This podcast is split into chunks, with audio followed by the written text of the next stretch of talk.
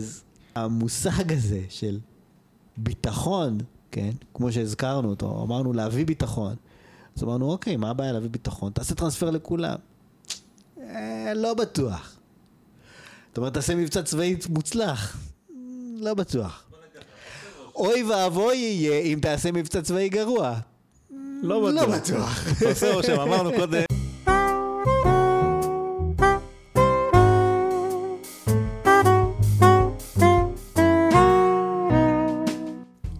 אדם אקראי, הפודקאסט שאפשר בלעדיו.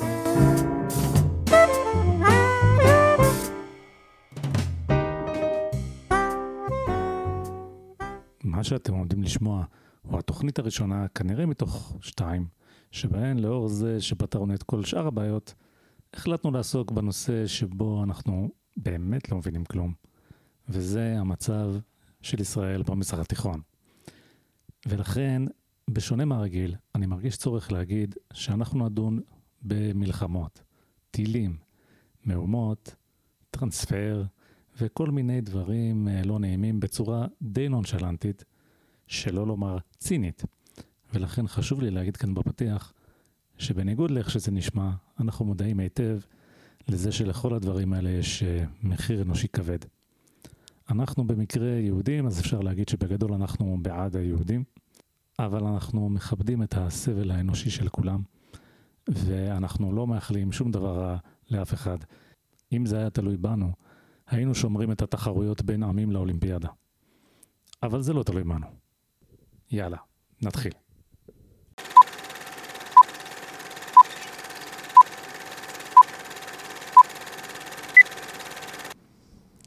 ג'יידי, מה קורה? הכל סביר? הכל אורגינלי, כמו שאומרים אצלנו? לא. חבל מאוד. אבל למרות זאת, אני אבקש שתתעשת, כי היום יש לנו נושא חשוב במיוחד. או, נושא אני חשוב רוצה לברך ביותר. את כל המאזינים שחזרו לעוד אה, תוכנית של הפודקאסט המופלא שלנו, אדם אקראי. אל תשכחו לעשות share, לייק, מנוי ולכתוב לא לכתובת אמרנו המייל שאומרים את זה שלנו. בסוף אחר כך? מה זה? לא אמרנו שאומרים את זה בסוף ולא בהתחלה? אני לא אחראי על מה שאתה אמרת באופן אישי. אה, אוקיי. מי, אף אחד לא נשאר עד הסוף, אז צריך צריך להגיד אוקיי. את זה בהתחלה. אוקיי, good point, כמו שאומרים באנגלית, בלעז. בלעז. share ו like ותכתבו לנו במייל, אנחנו מצפים למכתבים ולא מקבלים ואז אנחנו בוכים. או בטוויטר. בטוויטר, אה, בשוויטר, בטוויטר, אה, בסדר, אוקיי. לא בפייסבוק, אני לא נכנס לפייסבוק יותר. לא, פייסבוק זה... כן. עבד עליו הקלח. טוב, בואו נדבר על עניינים רציניים, או, לשם שינוי. אה, האמת היא שהחמאס ככה הרים לנו, כי כתבנו, הכנו את הפרק לפני המבצע שומר החומות. או- אולי זה- אולי בדיעבד זו הייתה טעות להכין את הפרק, כי תראה מה קרה. זה נכון, זה נכון, כן. אבל החמאס הרים לנו, ואנחנו נדבר אבל קצת ב... אז הוא הרים לנו ואנחנו נרים לו. אחרת, בדיוק. אז, אז, אז אני באמת ראיתי, אה, לא מזמן, אה, ב- מסביב לבחירות, שיאיר לפיד העיד על עצמו, אתה יודע שמסביב לבחירות זה כל הזמן זה בעצם. נכון, כן. אז כל הזמן. ליאיר לפיד העיד על עצמו שהוא נץ ביטחוני. כן. עכשיו, אני נזכרתי בביטוי הזה, נץ. אתה זוכר את הספר אזרחות הזה שהיה בתיכון עם הניצים ויונים? תשמע, כל הכבוד לך. לא, אני לא זוכר. אתה לא זוכר, אני זוכר. זוכר שהיה ספר לא, עם כאילו, דפים, אתה לא זוכר נץ, אתה ניצים ו- ימין, לא, וכאילו, לא. כאילו, השמאל הוא יוני. בוא תעזור לאנשים שהיו תלמידים קצת פחות טובים. ותסביר לנו מה כאילו, זה נץ אני- אני לא ומה זוכר זה לא נץ. ב- בדיוק, אבל זה משהו בגדול, זה כאילו הימין רוצה להכריע את האויבים בכוח הזרוע. והיונים, הם רוצות להגיע להסכם תוך כדי משא ומתן, ולא רוצות לריב. אוקיי. אה, בסדר, הנץ הוא אה, כשמו כן הוא אה, נץ, והיונה לפיד, יונה. הוא אמר נץ, כי הוא רוצה למצב את עצמו כאילו בימין. כן. אבל, אבל, אה, אוקיי, לא, אנחנו לא נכנסים פה להגדרות, אבל אנחנו יודעים בישראל מה זה ימין, מה זה שמאל, פחות או יותר. האם החלוקה של יונים וניצים מתאימה ל- ל- לחלוקה ימין ושמאל? אז אני טוען, בתור סתם בן אדם, מה זה משנה מה אני טוען? נכון? אני בן אדם אקראי. כן. אבל זה מה שאני טוען. נו, אבל שוודאי וודאי שלא. כן, אוקיי. נו, אז בוא... זה... למה? קודם כל, אני לא בטוח ש- לא בטוח שמשהו בכלל מתאים למשהו כבר בימינו. זה נכון, זה נכון, אני לא אבל יודע אפילו כמה לא שמאל עוד יש בגדול, בארץ הזאת, אפילו לא ומה בגדול. שנשאר, כולם רבים מי יותר ימין אחד מהשני. לא, אבל חכה, חכה, חכה. אוקיי. כי אתה לא מקשיב. לא מקשיב. וחבל. נכון. כי ככה זה היה גם בתיכון שהיינו, וזה לא נגמר טוב. זה גם לא התחיל טוב, גם באמצע זה לא היה טוב. לא יודע מה הקטע הזה נגמר, מה אכפת לי איך נגמר? כשיגמר כבר יהיה הסוף. מה שאכפת לי מה עכשיו, ועכשיו גם גרוע. נכון. אז ת- בבקשה. כן. אבל בכל מקרה, סמוטריץ' ובן גביר. מה- מה- מה- מה אומרים סמוטריץ' ובן גביר? הם אומרים, הארץ, ארץ ישראל, כן? התנ"כית. כן. שבגדול- וזה עוד ארץ ישראל יש. יש רק. תכלס, אתה צודק. זה- בגדול, זה, במקרה הזה זה גם כולל את רמת הגולן, לא משנה. עזוב את זה בצד, רגע, את הגבולות. אבל אנחנו פה בישראל, זה ישראל כמו שהגבולות שלה היום, כולל יהודה ושומרון. אז הם אומרים, "אה, הארץ כולה שלנו, כי אלוהים אמר, אנחנו צריכים לספח הכל ולהכיל שם את החוק הישראלי. כן, יהיה כל מיני סייגים לגבי אזרחות לערבים. ו... כאילו... בוא נגיד החוק הישראלי כמו שהוא עכשיו, אולי זה לא בדיוק. צריך טיפה כן, לעזור לחוק קצת. הישראלי כדי שנוכל אבל, לעשות את ה... אבל כאילו הם כן. אומרים, אנחנו נעודד הגירה של ערבים, לא ניתן להם גם זכות להצביע כדי שיהיה בסדר, ואנחנו לא, לא, שום דבר לא יהיה בכוח לצורך העניין, כן. אוקיי? אלא אם כן, כמובן, יהיה בעיות אה, ביטחוניות והתפרעויות ולא יודע מה, אז כוחות הביטחון כבר יטפלו בזה. אבל גם פייגלין שהוא כתב במצע שלו, וגם uh, סמוטריץ' שהוא דיבר על לספח את שט, אה, שטחי A ו-B, וגם בן גביר, שאפילו אפילו בן גביר שינה כבר את עורו, והוא אומר כן, אני לא עושה חלוקה של יהודים וערבים, אלא כל ערבי שאומר שהוא מקבל את זה שישראל זה המדינה היהודית, תפאדלו, אהלן וסהלן, אני חבר שלו, ח- הוא אח שלי. לא סתם, אה, הוא אח. זאת אומרת, לצורך העניין, הם, הם, אה, אין בהם שום נציות. הם לא רוצים אה, להילחם באף אחד. הם אומרים, אנחנו, אה, כל הארץ שלנו, בזה זה נגמר, ואנחנו נעודד הגירה, אבל מי שלא רוצה יכול להישאר, הוא פשוט לא יכול להצביע. הוא יזרוק אבנים, יזרוק בקבוקי תבערה, יירה, לא יודע מה יעשה, אז אה, נשים אותו בכלא. Mm, טוב, כל- אוקיי. כל, מי שפושע, שמים אותו בכלא, זה לא עניין, אה, זה לא גנדי והטרנספר שלו שהיה פעם, או אה, אה, כהנא ש... לא יודע, להרוג את כולם, בסדר?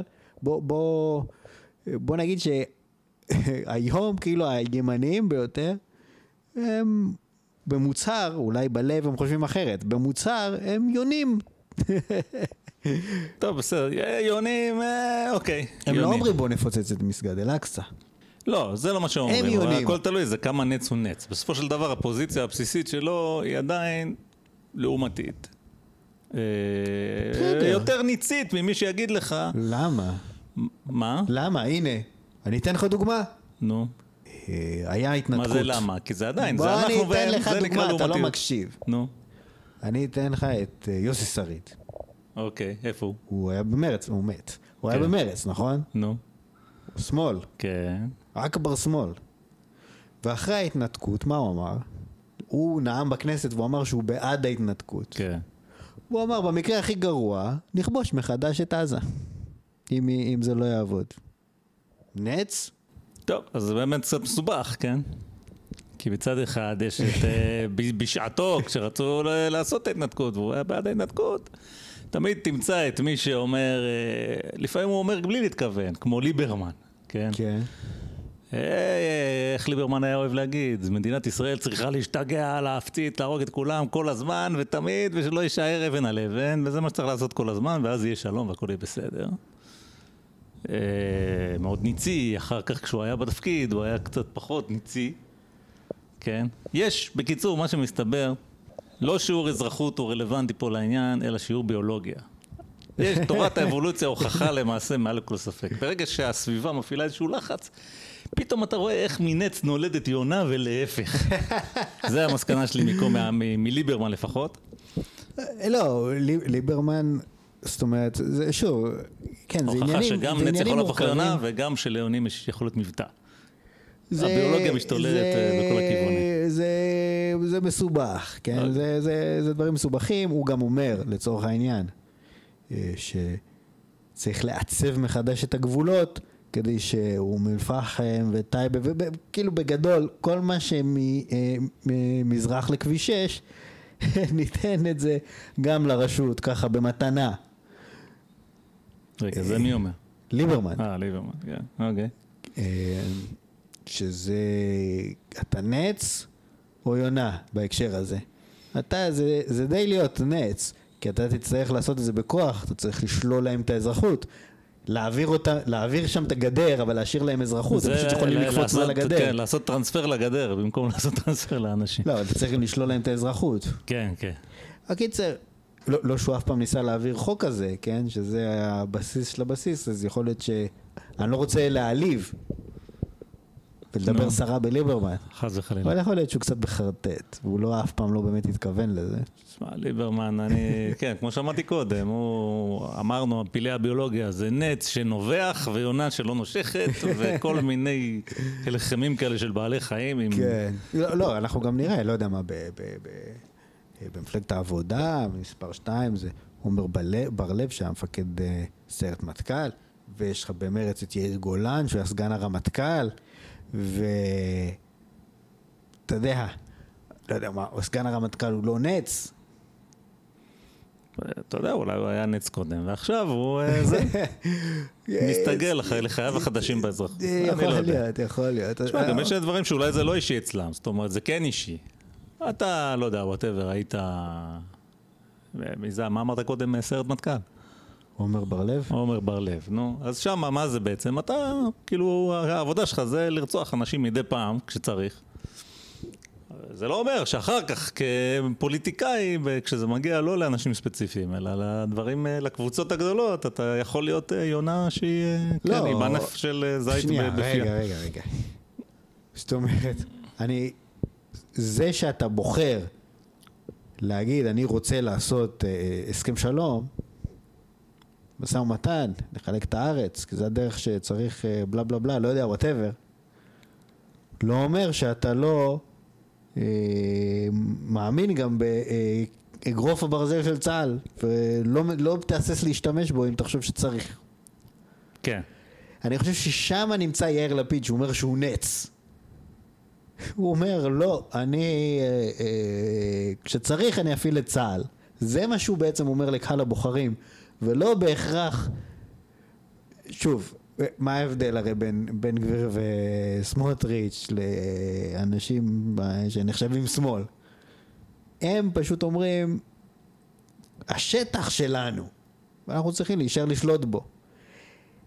אם הם יעשו בלאגן או לא יעשו בלאגן, זה פשוט לא קשור. השטח הוא שלנו, אנחנו צריכים לשלוט בו. כן. העניינים הביטחוניים הם עניינים אחרים. אוקיי, האמת שזו אנליזה מעניינת שלא שמתי לב אליה קודם. אותו דבר, מה שאנשים משמאל. אנשים משמאל אומרים, אנחנו צריכים לעשות הפרדה, הפרדה בינינו לבין הערבים. והעניינים הביטחוניים נטפל בהם אחר כך. קודם כל בוא נעשה את ההפרדה הזאת. זה שאנחנו מעורבבים זה לא טוב. בקיצור, זאת החלוקה האמיתית, ולא ניצים ויונים. זה פשוט את העניין נדל"ני לצורך העניין. כן, האמת, אני מודה שנער הייתי וגם זקנתי, לא כך חשבתי על זה ככה קודם, זה מעניין מה שאתה אומר. אתה בעצם אומר, יש פה צירים מאונחים. ובצירים המונחים יש בעצם ציר אחד שהוא די מוסכם על כולם. ואם עושים לנו בלאגן, אז אנחנו נעשה להם בלאגן חזרה. בדיוק. כן, ויש ציר אחר שאומר איזושהי עמדה עקרונית, זה שלנו, רק לקחנו את זה חזרה, או העמדה ההפוכה שאומרת זה לא אנחנו שלנו, לא צריכים את כל הערבים לא- האלה. כן, לא תודה. הערבים האלה זה צרות, אנחנו לא רוצים אותם, שיהיו מעבר לגדר. שזה אגב מעניין, כי פה באמת יש הבדל לא רק בעמדה, אלא גם ב- ביחס שלך לבלגן. זאת אומרת, יש פה איזשהו, אתה יודע, זה שלנו, ואם יעשו בלגן נטפל, זה קצת אחרת מאשר, יש, יש בכל זאת איזה קורלציה בלהגיד, אנחנו לא צריכים את זה, כי כשאתה אומר אני לא צריך את זה, אתה גם בעצם אומר, אולי זה יעזור לי להימנע מהבלגן, כן? לא, זה, זה, אוקיי, שוב. יש פה איזה עניין, זה, אבל נ- זה היה. נכון אולי ב-95, אבל היום אתה יודע ש... נו, יצאת מעזה, ראית, נהיה שם צבא, בלאגן, כן. שמח. אבל אתה אומר, בסדר. אבל אתה, אתה לא צודק, כי, כי עדיין יש נכון, אנשים את שמאמינים בזה. נכון, יש שם בלאגן. כן. בסדר, הם מפציצים, אנחנו מפציצים חזרה, זה עדיף על המצב הקודם. שבו היינו בתוך האוכלוסייה והיינו צריכים לעשות פעולות שיטור ולדאוג לכל דבר קטן באוכלוסייה ומינהל אזרחי וכל... היום זה לא צרה שלנו. בין המבצעים, הנה היה צוק איתן והיה שומר החומות, שבע שנים, אף אחד זה לא עניין אותו מה קורה בעזה, כמעט בכלל. זה פשוט נון אישו לצורך העניין. כן. זאת אומרת, האחריות שלנו לתשתיות שם מתרכזת בלהרוס אותה מדי פעם. אה, זה קצת יותר אה, מורכב מזה, אבל אוקיי. כן, בגדול. עכשיו, אה, שוב, עוד דוגמה שאני מאוד מאוד אוהב, היא אהוד ברק. אהוד ברק, הוא שהוא עשה משא ומתן עם ערפאת, הוא הגיע מאוד מאוד רחוק. זאת אומרת, מהספרים שאני קראתי בנושא, דובר על משהו כמו באמת 93% מה, מה, משטחי אה, 67 כאילו, ומה שמכונה השטחים הכבושים, וגם יה- היה לו כבר איזושהי נטייה להסכים לחילופי שטחים, אוקיי? לעוד כמה אחוזים של חילופי שטחים, וגם בהר הבית, הוא אמר אוקיי, הר הבית שלכם, הלמעלה שלו, מה שבתוך ההר זה שלנו. כן, מין אוקיי. פשרה כזאת כדי, אוקיי, אל תיגעו לי שם בארכיאולוגיה, ואנחנו לא אחראים על אנחנו המסגד נקים שלכם. מצלמות רנטגן מיוחדות, שבהן נסתכל על מה ששלנו לא, בתוך אנחנו לא מסתכלים, רק אל תחפרו. אתם חופרים, אתם בשטח שלנו.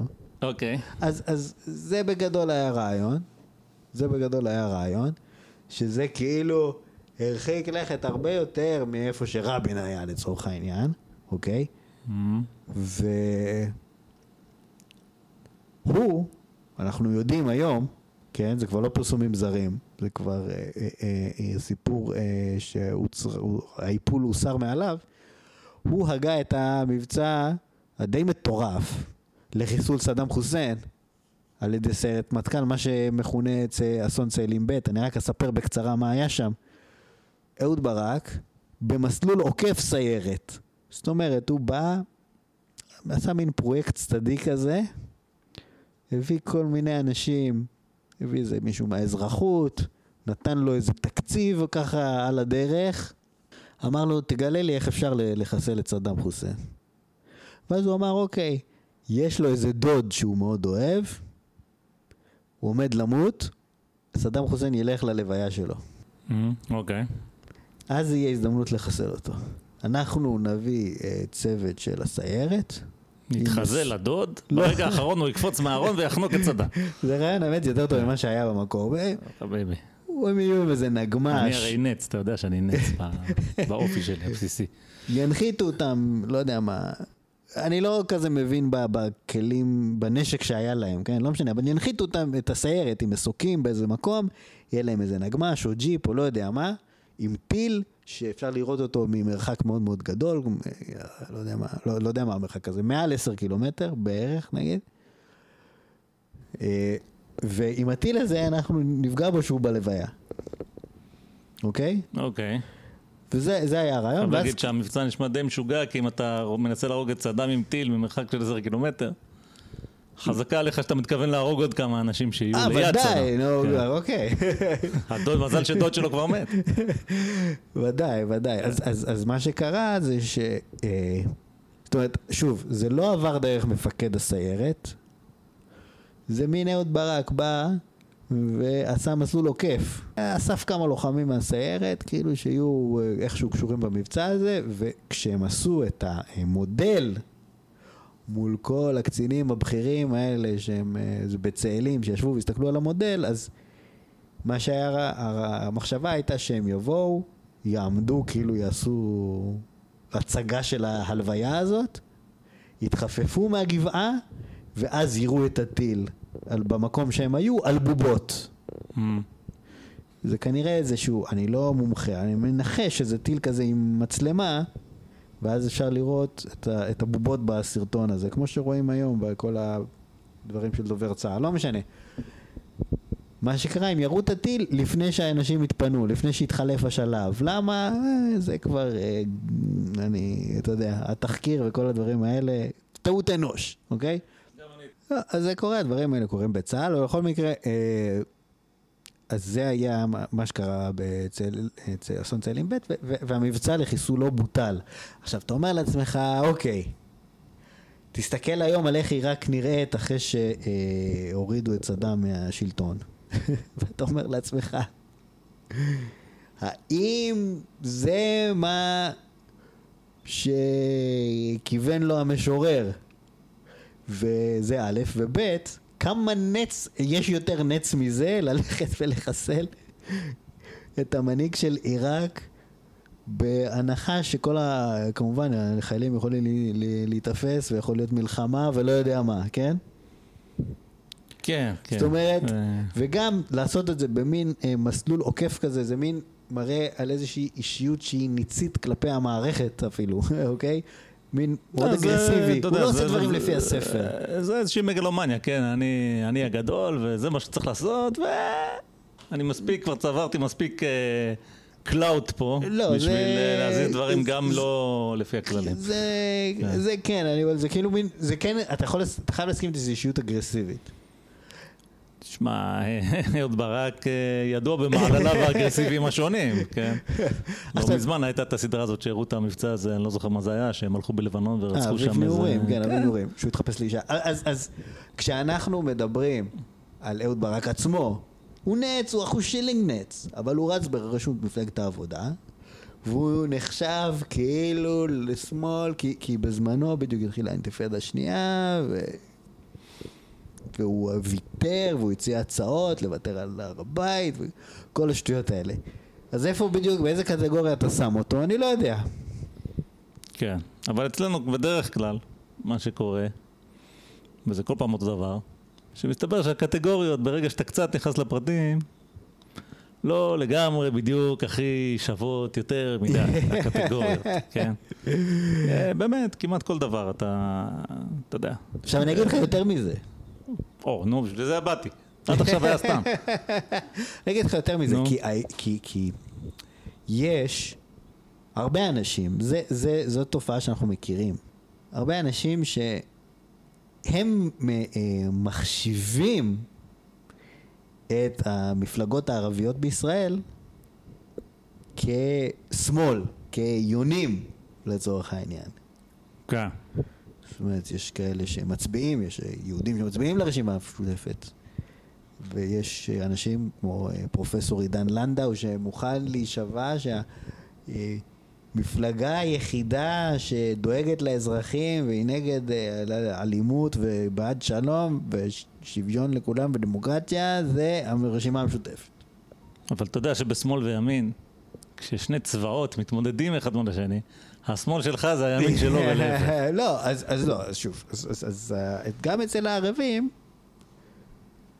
יש ימין ושמאל בתוך המפלגות הערביות בעצמם, כן? או כן. בתוך, נגיד, לא יודע מה, עיסאווי פריג' שהוא במרץ, הוא מאוד, אה, אתה יודע, מאוד, מת- נגיד, יותר מתאים לתיאור, לתיאור הזה של הקומביה ובוא נחיה ביחד בשלום, מאשר את ג'מאל זחאלקה, למשל, יושב ראש בל"ד. כן. שהוא, אין לו שום בעיה, אה, אה, זאת אומרת, אם, אם נדבר על, על אה, דוגמה קלאסית שאני מאוד אוהב, היבה יזבק למשל, מבל"ד, אחרי שמדינת ישראל התנקשה בסמיר קונטר, כן. אז היא פרסמה בטוויטר, לא יאמן שהרגו את השהיד סמיר קונטר. כן.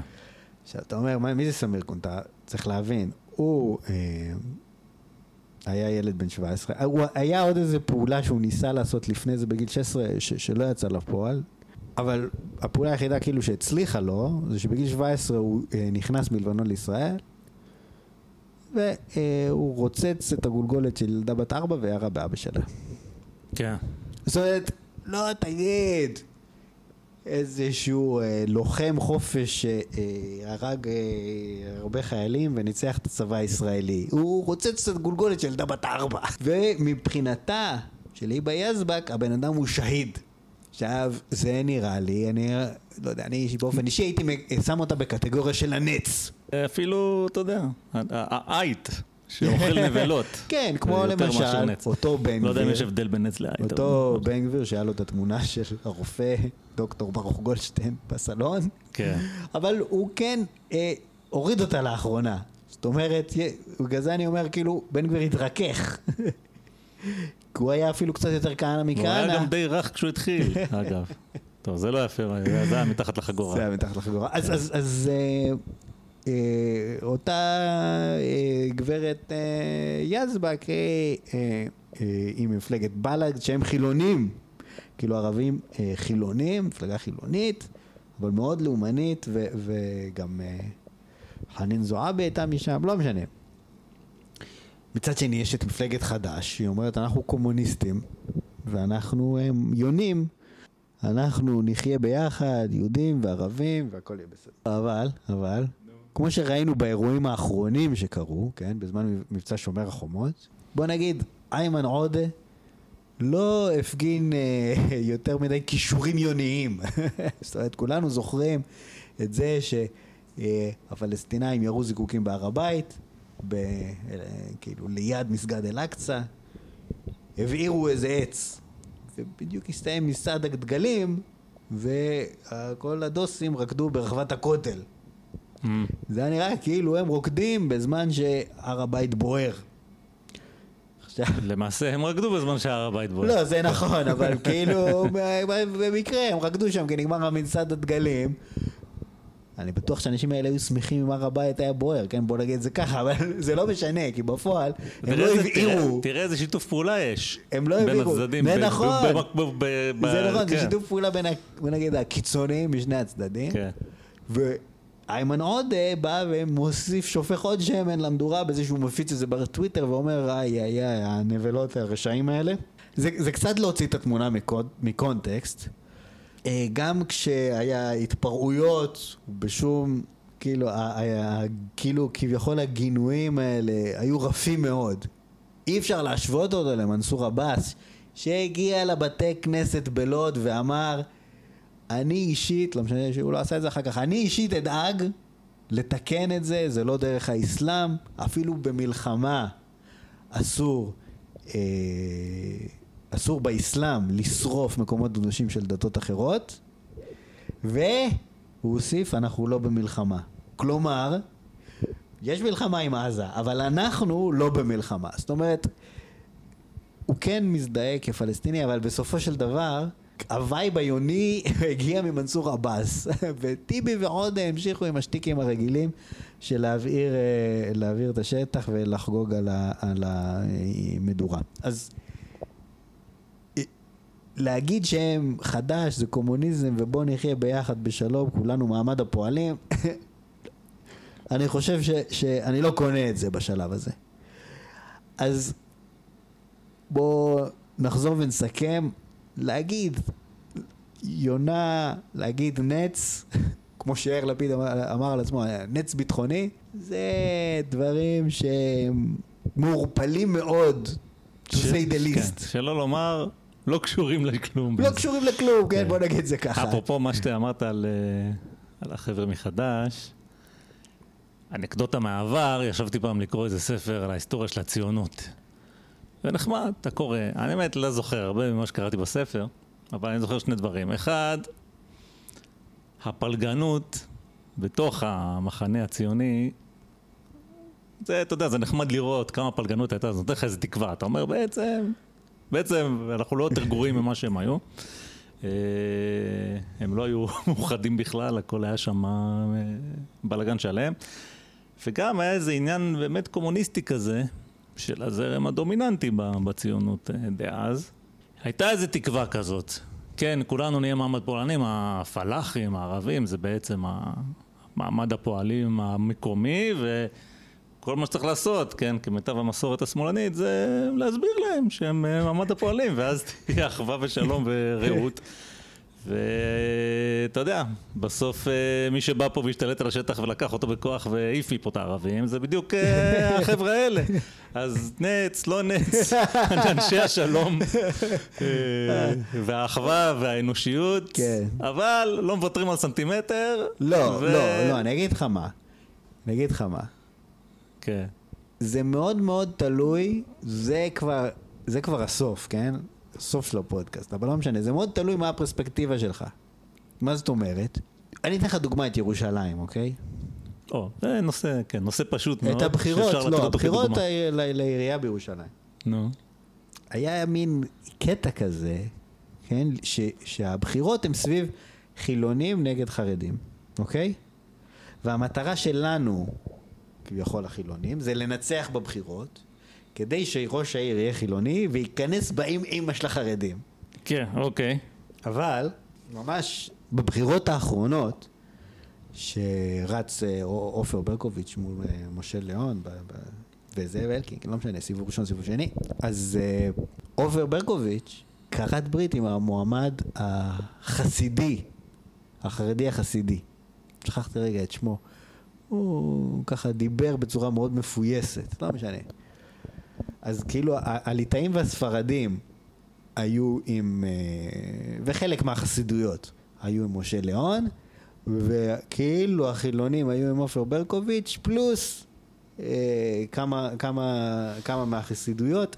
זה לא חלוקה מדויקת, תמיד יש איזה חילוני שמצביע ככה וזה, לא משנה, כמובן יש את הסרוגים, שגם הם התחלקו אה, אה, בין לבין, אבל הרעיון הוא כזה, בשלב מסוים אתה מבין שאתה פשוט לא יכול לנצח, אתה לא יכול לנצח את החרדים. בתור מועמד חילוני, אתה חייב כמה חרדים איתך כן. כדי לנצח, ואז אתה מחליף את המסר ועובר ממסר של החרדים דופקים אותנו, נבחר ראש- ראש עיר חילוני ונדפוק אותם חזרה, למסר של פיוס, בוא נחיה כולם ביחד. כן. למה אנחנו- עברת למסר של הפיוס? לא בגלל שזו בחירה אסטרטגית, בגלל שאתה רוצה לנצח. אין לך ברירה אחרת. אז אותו דבר גם פה. אתה, בתחילת הדרך, אתה חושב, איך אנחנו לא ננצח את הערבים, אז צריך מסר של פיוס. ליצור אחווה. אבל ברגע שאתה מנצח, אתה אומר, אוקיי, אני כבר מנצח, אז בואו פשוט נגרש אותם, וזה יחסוך המון בעיות. מה, זה אתה אומר לגבי ה- מה שאמרתי כן, לך לגבי קודם? 48. אני ב- חושב, ברגע שניצחת- המסר הזה היה, אני לא אומר לך שזה היה דומיננטי במפלגה או לא, זה, בסדר. אבל הייתה חשיבה כזאת, זה, אתה יודע, בסופו של דבר כשאתה עושה דברים רעים, כל מה שאתה צריך לעשות, מה זה רעים? אה, דברים שאתה רוצה לעשות, דברים שהם רעים למישהו אחר, אוקיי? לא נגיד מה זה רע ומה זה טוב, זה גדול עליי. אבל משהו, כן, אתה רוצה לעשות משהו למישהו, והמישהו הזה לא, לא ייהנה ממה שאתה הולך לעשות לו, ואתה מגיע למסקנה שאין ברירה, זה מה שאתה צריך לעשות. לא משנה הרי מה האידיאולוגיה שלך, או אתה בסוף, כל מה שאתה צריך להיות מסוגל לעשות זה להגיד את המילה אבל. שלום ואחווה ורעות ודיצה וחדווה, אבל. עכשיו, כרגע, אי אפשר לעשות את זה, אז תביא זה, ת, טנקים, רובים, נשק, נעשה מה שצריך, נגיע למצב קצת יותר טוב, נהיה, אנחנו עושים את זה בחיים כל הזמן. מה, אנחנו לא... זה, אני לא יודע, אני בעבודה שלי עושה את זה כל הזמן. כן, אני, אתה יודע, עובד בהייטק, אין לנו זמן לעשות את זה כמו שצריך, נעשה את זה חאפ-לאפ, כאילו, אנחנו רוצים לעשות כמו שצריך, אבל לא יכולים לעשות את זה, אז נעשה את זה חאפ-לאפ ואחרי זה נסדר, אחרי זה נעשה מה שהתכוונו לעשות. אז כאילו, עושים את זה בכל תחומי החיים, אני אומר, גם בפוליטיקה אתה יכול לעשות את זה. אני... יש במשהו במה שאתה אומר, אני לא מסכים. אני יאיר. לפיד, ואני בעד אה, שלום והכול, אבל, אם יעשו לי בלאגן, אז אה, מטוסים לא, אני לא וטילים מסכים, לא, וטנקים. לא, לא, אני לא מסכים. שוב, אני מדבר פה על, על בחירה אסטרטגית. זאת אומרת, ישראל לצורך העניין, אחרי אה, 67, הייתה יכולה להגיד, נלחמנו, אבל אנחנו בוחרים בשלום. אנחנו בוחרים, אנחנו חייבים לחיות זה לצד זה, בלי שצד אחד ישלוט על הצד השני. אה, דוגמה אחרת, אחרי מלחמת העולם הראשונה, מדינות אירופה אה, אה, חתמו את הסכם ורסאי, שלצורך העניין השפיל את גרמניה, אוקיי? הם באו ואמרו, אנחנו ניצחנו, אנחנו נקרא את אימא שלכם. אחרי מלחמת העולם השנייה, זה לא קרה. לא נכנסו בהם. לא לקחו להם שטחים, ולא הגבלות על הכלכלה, ולא כל מיני דברים כאלה. זאת אומרת, יש פה עניין של בחירה, גם אם ניצחת, וגם אם ניצחת בצורה אה, גורפת, אתה עדיין יכול לבחור איך אתה הולך אה, להתייחס למי שניצחת. אחרי 67, תראה, אתה יכול... במשך ש- הרבה שנים, מה שישראל הוכיחה, אני חושב, אולי זה מה שאתה רוצה להגיד, נראה אם אני קלטתי, ככה כיוונתי לידך. אחרי שניצחת, אתה גם יכול לא לבחור. לתת לדברים להתגלגל. בוא נראה מה יהיה. אני חושב שזה זה, זה יותר מה שישראל עשתה, מאשר באמת לעשות איזושהי בחירה אקטיבית, שאומרת, אני, יש לי פה תוכנית. לא, כי- זה ודאי, כי אנשים, אתה יודע, אנשים מתחלפים, ואני לא, כי אם אתה מתחלפים, ו- מסתכל, אם אתה מסתכל על... אה, אבל אני- לא, אני מדבר ביום שאחרי המלחמה. אוקיי. אתה יכול להגיד, אוקיי, אני עכשיו אה, עושה בחירה עקרונית, שהאנשים האלה, שהם לא אזרחים, שאני שולט עליהם, זה מצב שהוא אה, לא טוב. האנשים האלה צריכים שיהיה להם, אה, לא יודע מה, מדינה משלהם, ולא משנה, אתה מחלק את השטח איך שבא לך, כי אתה ניצחת, ואתה אומר, הנה, זה שלכם, ולא יודע מה, אומר נו. לאיזה מישהו שם, שהוא ככה, יש לו איזה פרצוף של מנהיג, אתה אומר לו, אתה ראש הממשלה, סתם אני אומר, כן? אוקיי. לא יודע, אולי זה לא יהיה אפשרי באותו זמן, אני לא מעביר איזושהי פה ביקורת, כי מה אני קשור, אני אדם אקראי, אבל אני רק אומר, זה עניין של בחירה. אחרי מלחמת ששת הימים, אנשים אמרו, זובי אובי, הכל שלנו, וחגגו. אבל זה לא לגמרי נכון, בגלל שלא סיפחו את השטחים כאילו פורמלית, נכון? ולא, זה... קצת החליטו לא, לא, לא לבלוע ולא להקיא את השטחים. לצורך העניין, מדינות ברמת הגולן באמת עשו. אוקיי, זהו, זה שלנו, לא, ואנשים פה זה... הסיפוח ו- היה באיזה שנת 82 או משהו כזה. אבל עשו אותו בסוף. וזה לא עשו, אז סבבה, אני מקבל. אז עד 82 גם זה ג'יאג'יה. לא, לא ידעתי את העובדה הזאת, אבל זה לא משנה. אתה מבין מה אני מנסה להגיד לך? ואני זה לא יודע, אני גם נכון, לא הייתי אני שם, ואני לא כזה בקיא בהיסטוריה הזאת. אני מדבר אבל על יש לי תחושה שזה לא... לא, אני, חלקית clear cut. אני מסכים איתך. בסדר, אתה צודק, קצת סטינו, אני רק אומר שכשאתה מנצח בגדול, אוקיי? אז אתה רואה את הדברים בצורה מסוימת. וכשאתה מנצח בקטן, אתה פתאום מתחיל להגיד, אה, אוקיי, אולי צריך פה שלום ואחווה. סתם כי קיבלת כמה מכות במקומות כואבים, לא בגלל שאתה אה, יפה נפש. אוקיי? כי ככה כן. זה החיים, ולא צריך להתרגש מזה יותר מדי. תראה, זה אם- לא אם- אומר שאנשים הם רעים. כאילו, אנשים הם רעים, אבל אנשים הם אנשים. כן. אבל אם נלך שנייה לפני שניכנס לזה, לסיפור שלך, למלחמות העולם, אז פה באמת יש לך איזה סוג של... אה, כן, הדבר הטבעי, כן, הבסת יריב מר שימלל אותך קשות, כן, כמו מה שגרמניה עוללה ל... לשאר המדינות באירופה, אוקיי, ואתה אומר, יאללה, אני, אני אכנס בהם, אני אשפיל אותם, אני אקרע אותם. ובאמת זה מה שאתה עושה. חוץ, ויש פה, אנחנו יודעים מה קרה בהיסטוריה. גם בעיה אחת קטנה, אם אתה, זה מה שאתה אומר, אתה גם צריך לעשות את זה. אחר כך כשאתה פתאום מפחד לעשות את זה, אז יש לך בעיה. ובאמת, אה, אחרי המלחמה השנייה, זה לא מה שהיה, ואתה יודע, קודם כל זו סיטואציה אחרת, אבל כאילו התבוסה הגרמנית הייתה טוטאלית. יותר מאשר מלחמת העולם הראשונה. אבל היה איזשהו לקח כזה שאומר, זה לא הצליח פעם קודמת, אולי נעשה דברים אחרת הפעם, כן? עוד 50 מיליון מתים, אולי נעשה משהו קצת אחר. וגם יש את העניין הזה ששברו את גרמניה לשתיים, זה לא היה הסכמה בין המעצמות למה לעשות, זה היה אי הסכמה מה לעשות. אז זה מאוד החלישו את גרמניה anyway. בסדר, אבל לא חשוב, זה לא הנושא שלנו היום, בואו בוא נדלג הלאה. כן, עכשיו, אוקיי, אז, אז אם אנחנו נסתכל על המפה הפוליטית הישראלית, אז אה, יש אנשים שהם בהחלט מובלים על ידי אה, מה שנקרא ביטחון ישראל. כמו למשל אה, את אה, בנט, שבנט אומר, אם אנחנו ניתן לרשות את כל שטחי 67, היו טילים על נתב"ג. עכשיו, זה לא קשור ל... ל... זו ארצנו וכל מיני דברים כאלה, כי בנט הכיפה שלו היא די קטנה. זה לא איזה משהו שהוא, אה, אתה יודע, מאוד אה, מאמין בו, הוא בעצמו, הוא גר ברעננה. הוא כן קצת משחק על הסנטימנט הזה כשהוא... אה, כשבא לו. כשבא לו, אבל כן. זה, זה לא במהות שלו. העניין העיקרי הוא הביטחון. ויותר מזה, מה יקרה אם יבואו כל הבעלי זכות השיבה לתוך המדינה הפלסטינית שעשינו, הם יהיו מלא מלא אנשים והם יהרגו את כולנו. אז לכן, מה שאנחנו צריכים לעשות זה לספח את השטחים שהם חשובים ביטחונית, ולשים את זה, לשים אותם בצד השני, מעבר לגדר, משהו שמאוד דומה לדיל המאה של טראמפ, לתת להם איזה, לא יודע מה, 70 ומשהו אחוז מהשטח, ושיהיה להם בהצלחה. ככה הוא אומר, בצורה הזאת אנחנו נימנע מלהיכנס למלחמה איתם. כל מיני הרפתקאות, הרפתקאות צבאיות שאנחנו נצטרך להיכנס אליהם אם ניתן להם את כל השטח ונהיו, ונהיה בעמדה ביטחונית נחותה. הוא אפילו קורא כביכול לתוכנית הזאת שלו של לספח את שטחי C, ככה הוא קורא לה תוכנית ההרגעה, כן. או משהו כזה. גם הוא כאילו באיזשהו מקום יונה כזאת, כן? הוא, הוא רוצה שלא תהיה מלחמה. זאת אומרת, אני שמעתי פעם את פייגלין אומר, איזה נאום למתנחלים, אנחנו צריכים לשאוף למלחמה. כי בתוך ערפל הקרב נוכל להעיף את כולם קיבינימט. אוקיי. אוקיי?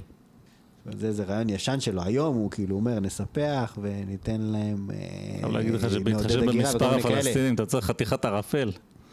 בשביל לעשות דבר כזה. כן, אולי לא. מלחמת עולם שלישית תאפשר לך לעשות כזה דבר. לא, בסדר, אבל כן. בגדול, כן, זאת אומרת, מה שבנט כאילו אומר באיזשהו מקום, זה, כן, אני ארגיע את השטח, זה פחות טוב, כאילו מבחינת ה, מי שמפנטז על כל השטח וכל מיני דברים כאלה. אה, בקיצור, כמו שאמרנו, הדברים הם אה, מורכבים. עכשיו, חוץ מכל, אמרנו, אה, יונים וניצים, יש את מה שנקרא, אתה הזכרת את האנשים האלה קודם, המרכז. אני הזכרתי את המרכז? כן, כי אתה אומר... המרכז המסחרי אולי אני הזכרתי. כרגע, כרגע הכל איכשהו בסדר, אנחנו לא נוגעים. כן? מין איזושהי גישה אה, שמרנית כזאת נקרא לזה. אה, זה סתם אני חושב. אה, כן, אבל כאילו אמרת שיש תפיסה כזאת. ישראלי אופייני. תפיסה, לקרוא לזה תפיסה זה מחמאה. לא, כי ביבי בסך הכל... מאוד... לא, ביבי הפך את זה לשיטה, אבל אני... ביבי הפך את זה לשיטה. כן. סתם, לא יודע, לא יודע, אני ממציא עכשיו, אני אומר מהרהורי ליבי, ואמרתי את זה גם קודם, אני מסייג ואני לא היסטוריון ולא חצי היסטוריון ולא יודע כלום. יש דברים, משום מה, אתה יודע, לא כזה, באמת, לא, לא בקיא, יש לי תחושה אבל. סתם, בוא נדמיין את זה, לא היינו שם. ששת הימים, אוקיי, ניצחנו בענק, יופי. בעיה עם ישראל, ישראל לא, אתה יודע, כמה בענק היא כבר יכולה לנצח? זה עדיין מדינה קטנה מאוד עם אויבים גדולים מאוד. אתה אומר, מה? נגיד אני, אני מתייחס לזה, לא הנושא שלנו, אבל אני, אתה יודע, כבר נכנסתי לזה. מה שאמרת קודם, לכאורה, יכולנו להגיד, אוקיי, בוא נהיה... יש פה המון אנשים, אנחנו לא רוצים לשלוט עליהם, בואו נציע להם אוטונומיה, משהו, נעשה משהו. נהיה הומניים. מצד שני, אתה אומר, מה, אני fucking ישראל, אני לפני שנייה הייתי ברוחב של עשרה קילומטר, עכשיו אני ברוחב של שמונים קילומטר. זה חתיכת הבדל אם אתה ישראל. אני מוותר על כל זה? מה, אני מטורף? לפני ש... כאילו, הרגל הייתה על הגרון שלי, כן? זו הייתה תחושה בששת הימים, זה אנחנו יודעים, קראנו את זה בספרים. פתאום אתה נושם קצת לרווחה, אין שום סיכוי שאתה הולך לוותר על הדבר הזה. וזה דילמה מאוד מאוד קשה. עכשיו, מה שאתה עושה כשיש לך דילמה קשה? אז יש אנשים רציניים, ויש אנשים כמוני. בן אדם כמוני, כשיש דילמה קשה, הוא פשוט לא יודע מה לעשות, הוא לא עושה כלום. ואתה יודע, יש uh, סיסמה כזאת שמאוד חביבה עליי, אם יש לך בעיה דחופה, תחכה קצת, היא לא תהיה דחופה. אתה מבין מה אני אומר? כן. אז, אה, אז כבר, כאילו, היא תהיה מאוד דחופה, או שיהיו בעיות אחרות שיחליפו אותה וכן הלאה. לדעתי זה ככה גרוסו מודו, מה שמסביר את המצב ההזוי שישראל אה, הולכת ומתחפרת בו, כן, עם השנים. כן, אה, אני, אני מסכים, ו, אבל רוב האנשים באמת, בשלב הזה היום, ככה אני מרגיש, ורואים את זה גם לפי אנשים, איך שאנשים מצביעים. יש איזשהו ייאוש מסוים, והם אומרים, אנחנו לא רוצים שלום, ואנחנו לא רוצים מלחמה. אנחנו רוצים שאיך שהיה אתמול יהיה גם אה, מחר. הם רוצים מישהו שלא ייגע. כן. ואם יש בעיות קטנות פה ושם, שיפתור אותם. יפה, ולח... אבל מצד שני, מישהו שלא ייגע, אבל שיגיד לנו שאם הם יעשו את כנס באמא שלהם, וזה השילוב האופטימלי, ולכן ביבי ראש נכון. הממשלה פה כבר 12 שנה. זה נכון, זה נכון, זה נכון. זה היה חשוב, כאילו, כמובן שהוא חזק ולא נכנע לטרור. הוא גם מאוד חזק, והוא לא נלחם בטרור. עסקת שליט הסייד. לא, כן. לא משנה, אז כאילו, אה, נשאלת השאלה, כן, למה אנשים בעצם רוצים שלא ניגע בכלום? יש ביטחון עכשיו? האם יש ביטחון? תלוי באיזה יום של השבוע. אוקיי, אז זאת שאלה מעניינת. ושאלה מעניינת מאוד. למה? כי כולנו יודעים שיש אלפי טילים, עשרות אלפי טילים, שמכוונים על ידי איראן. לביצים שלנו. משהו כזה, כן. על ידי, איראן אה, ובני כן, בריתה, כן. זה עסק קצת יותר מורכב ממה שאנחנו מתאר, אוהבים לתאר, כי גם חמאס וגם חיזבאללה, וגם החות'ים בתימן אני מניח, יש להם את האינטרסים שלהם. וגם הם aligned עם איראן באיזושהי צורה, אבל אה, נסראללה היום כרגע, בדיוק אה, היום אה, אבו עלי אקספרס פרסם שהולכים בזמן הקרוב בביירות להוריד את כמות שעות החשמל ביממה לשש. כן. שאפילו בעזה יש שמונה, או שהם שמונה שמונה שם, אני לא טועה, אבל אה, כאילו, אני, אני לא זוכר בדיוק, אבל... זאת אומרת, המצב על הפנים. מה שצריך עכשיו זה מלחמה עם ישראל? לא. אוקיי? לכן, כרגע זה לא על הפרק. כן. אה, אבל הוא כן מתכונן לזה. זאת אומרת, כן, אז אה, שוב, נסראללה הוא נעצר, אבל ב-2016 אמרנו שכל מה שאתה צריך לעשות זה לדעת להגיד אבל. הנה, זה מוות לישראל, אנחנו נהרוג את כל היהודים, אבל עכשיו יש לי בעיות אחרות. לא, לא, לא, מה זה בעיות אחרות? זה, יותר מורכב מזה. תראה, ב-2016 היה את המבצע מגן צפוני שכאילו ביבי מצא את המנהרות, ביבי, כן? כוחות צה"ל, באמת, קשה להסביר כמה הם מטורפים, אבל איכשהו מצאו את המנהרות האלה, אפילו לא יודע איך.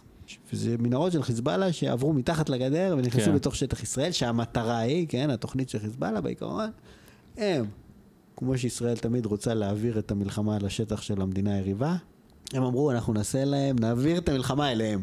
אנחנו ניכנס עם ג'יפים, אופנועים, נעבור דרך המנהרות האלה, הם לא יראו אותנו, הם רק פתאום יראו אותנו בתוך שטח ישראל, והם יצטרכו להילחם בתוך שטח ישראל, וזה יעשה להם וואחד טראומה, כאילו. זה ייכנס באבי אביהם, הכנו להם הפתעה. עכשיו, מה, מה, שוב, כל ה... האסטרטגיה האיראנית, שהם אומרים אותה במוצהר, הם אומרים, אנחנו לא יכולים לנצח את ישראל. המטרה שלנו זה למרר בו את החיים, כדי שכולם ירצו להוציא דרכון זר ולברוח. כן. כל, לפחות כל החזקים, כל האנשים ה, כאילו שיכולים להגר בקלות. אז עם כל האחרים נסתדר. זאת אומרת, אפשר פשוט להחליש אותה.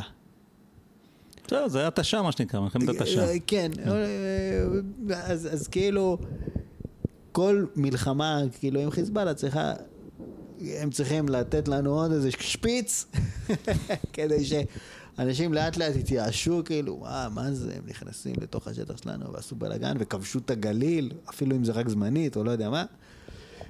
אז, אה, אז, אז בשביל זה יש את המנהרות האלה בעצם. ו- ואני מניח שיש עוד מנהרות שהן עכשיו הן פשוט אה, עוברות יותר קרוב לגדר ו- ולא עוברות אותו, לא, לא משנה. אה, גם חמאס, חמאס יש לו, הוא צריך לדאוג לאוכלוסייה האזרחית, אבל הוא גם רוצה, אה, יש לו את האג'נדה שלו של אה, לחסל את כל ישראל ולרשת את הארץ. יש, יש פה שתי אג'נדות, אבל בעיקרון זה מוכוון על ידי איראן, אוקיי? זה, זה ה... הם מספקים את הנשק, הם מספקים את ההכשרות, הם מספקים את האידיאולוגיה, זה מוכוון על ידי איראן הסיפור הזה. וזה לא נשמע לי כמו, אתה יודע, זה לא כשאתה גר בקנדה, יש עליך טיל, יש עליך משהו, כאילו, מה, מה מפחיד אותך? איזה איום יש עליך? אין.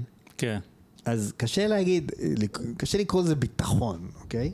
מצד שני, אתה אומר, אה, מה היעד, כאילו? מה זה כן ביטחון? נניח שלא היה חמאס ולא היה חיזבאללה. אבל יש לך את מצרים, מצרים לא יכולה להתהפך עליך?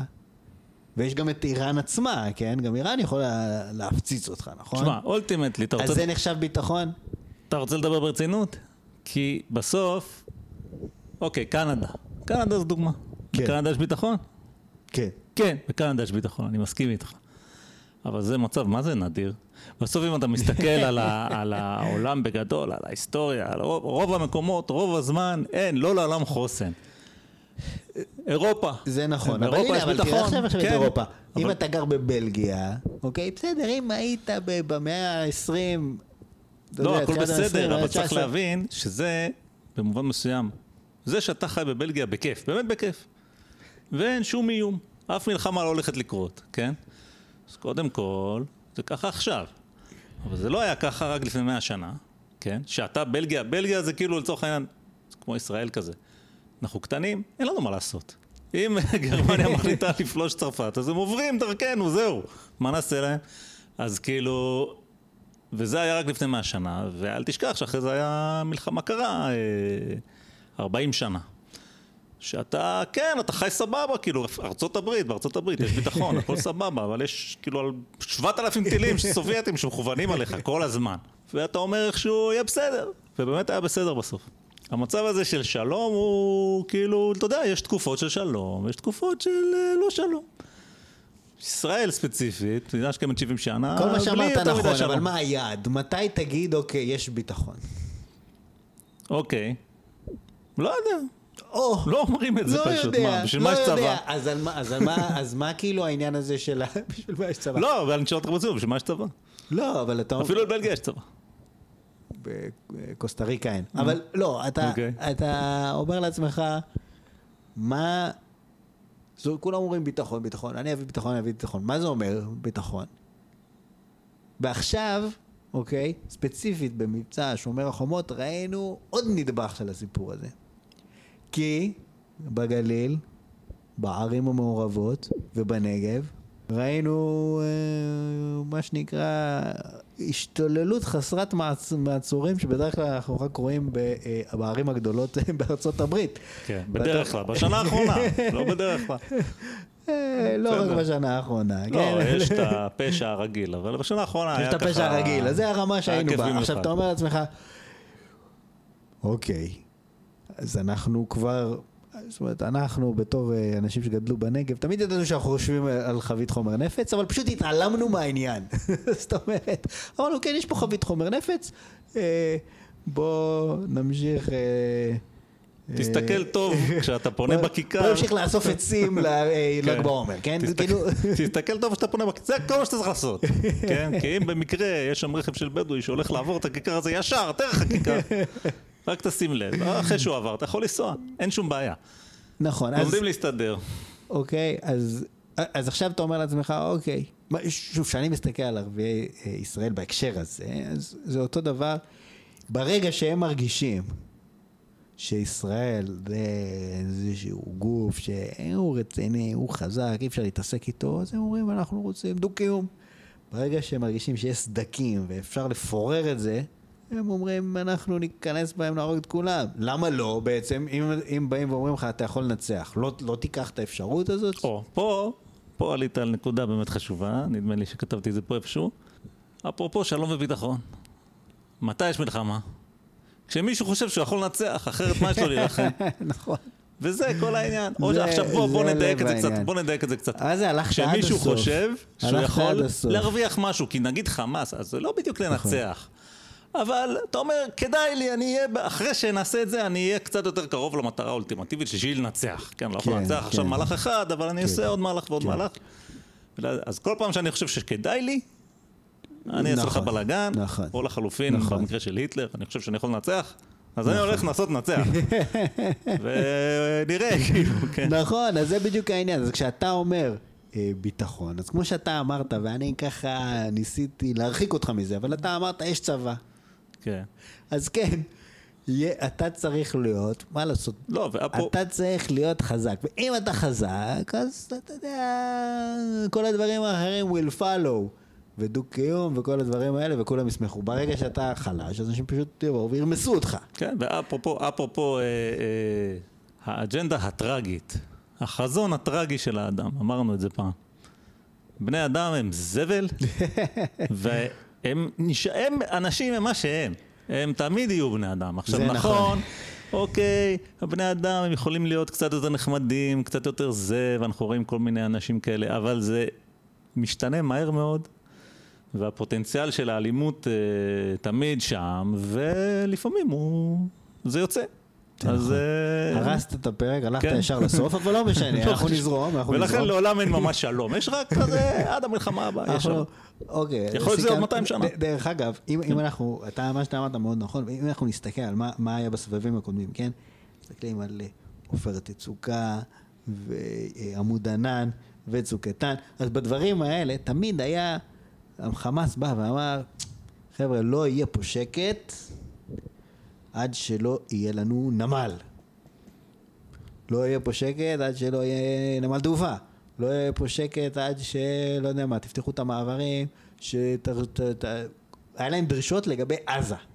כל פעם זה היה קצת אחר. זאת אומרת, לא יודע, אם זיכרוני לא מתן לי זה בעמוד ענן, המלחמה, המבצע כאילו הסתיים בזה שישראל מקבלת שקט ונותנת עוד כמה מיילים למרחב של הדייג וכל מיני דברים כאלה. זאת אומרת, לצורך העניין, זה המבצע הזה שהיה רק אווירי, והתחיל במכה, כאילו, אחוז שילינג, אחוז שילינג לחמאס, שהרגו שם 250 איש במכה, זה נגמר כזה, ככה, ב, בוא נגיד, ישראל ויתרה קצת, כן? כאילו הפסידה לצורך העניין, כן? כן. אין מה להגיד. בסדר, מורסי היה שם אה, אה, הנשיא במצרים, וזה קצת אחרת, שהאחים המוסלמים שם, והסיסי קצת יותר נוח לנו, אבל לא משנה. אבל פה מה החמאס עשה? אמר לא חשוב עזה. אל-אקצא. לא יודע מי המציא את הרעיון הזה, מי חשב על הרעיון הזה, אבל הבן אדם גאון. אנחנו, אני, אני, אני לא רוצה להיכנס למה מה בדיוק היה במבצע הזה, אבל בוא נגיד, צבאית, ישראל רמסה אותם בצורה שאין לתאר. ניצחון מוחלט. אם אתה רוצה ניכנס לזה אחר כך. אבל הפסידה. למה הפסידה? כי ברגע חמאס אמר אל-אקצא, וערביי ישראל התחילו להתחרפן, ופתאום בגדה גם התחילו לדבר קצת אחרת. זאת אומרת, צוק איתן היה 52 יום בגדה, לאף אחד לא היה אכפת. פתאום, זה רק עשרה ימים, אבל בגדה כבר משתוללים, וישראל הרגה שם לא יודע כמה אנשים היו, 15 איש, לא יודע כמה, כל מיני התפרעויות שהיו. האל-אקצא הזה, כאילו, אה, הפך את העולם הערבי ליותר מתעניין במה שקורה בעזה. זאת אומרת, אנחנו יודעים שבארצות הברית וזה נורא מתעניינים, כי זה כיף לרדת על ישראל. אבל פה פתאום הצליחו, גם החיזבאללה כאילו פתאום אמר, רגע, מה קורה פה, אולי נצטרף, אל-אקצא, בכל זאת, אל-אקצא. כי אחת הבעיות, באמת, שהם, אם הם היו הרי עובדים ביחד כולם, היו רומסים אותנו מזמן, זה בכלל שאלה. הם פשוט לא מצליחים לעבוד ביחד. אז פתאום מצאו משהו שסביבו באמת אפשר להתאחד, כולל ערביי ישראל. אז, אז אה, זה באמת שם אותך במקום אחר. אותם טילים שמכוונים עליך, ככה, אתה יודע, פחות מטרידים, כי אתה אומר, אוקיי, הם יעשו טילים, אנחנו נזרוק עליהם אטום, סליחה, אסור להגיד, לא משנה, אנחנו נטפל בזה. אבל ברגע שמה קורה ברגע שהם משתוללים פה במדינה האזרחים? מה אתה עושה עם זה? מלחמת אזרחים. זה משהו שאתה לא רוצה לעשות, כי זה מבאס. לא, איך תעשה את זה? איך? איך? לא, זה בוא נגיד ככה. אז בוא נגיד דבר כזה, בוא. נגיד דבר כזה, אוקיי? זה יוביל אותנו לנושא הבא. אני, אנחנו נדבר על זה אחר כך, אני רוצה לדבר על הנושא הבא. אוקיי. יש אפשרות לטפל בעניין הזה. לעשות טרנספר. לקחת כל מי שערבי מוסלמי, להעיף אותו קיבינימט. נגיד. נגיד שאפשר את כל ה, כאילו בעלי האזרחות הישראלית, חלק נשים מעבר לגדר, חלק בכוח נזיז אותם מ- מ- מהבתים שלהם ונגרש אותם, נעשה טרנספר כמו שדיבר אה, רחבעם, האלוף רחבעם זאב- זאבי, מר אה, גנדי. אנחנו מכירים את זה, זה כבר קרה בהיסטוריה של מדינת ישראל.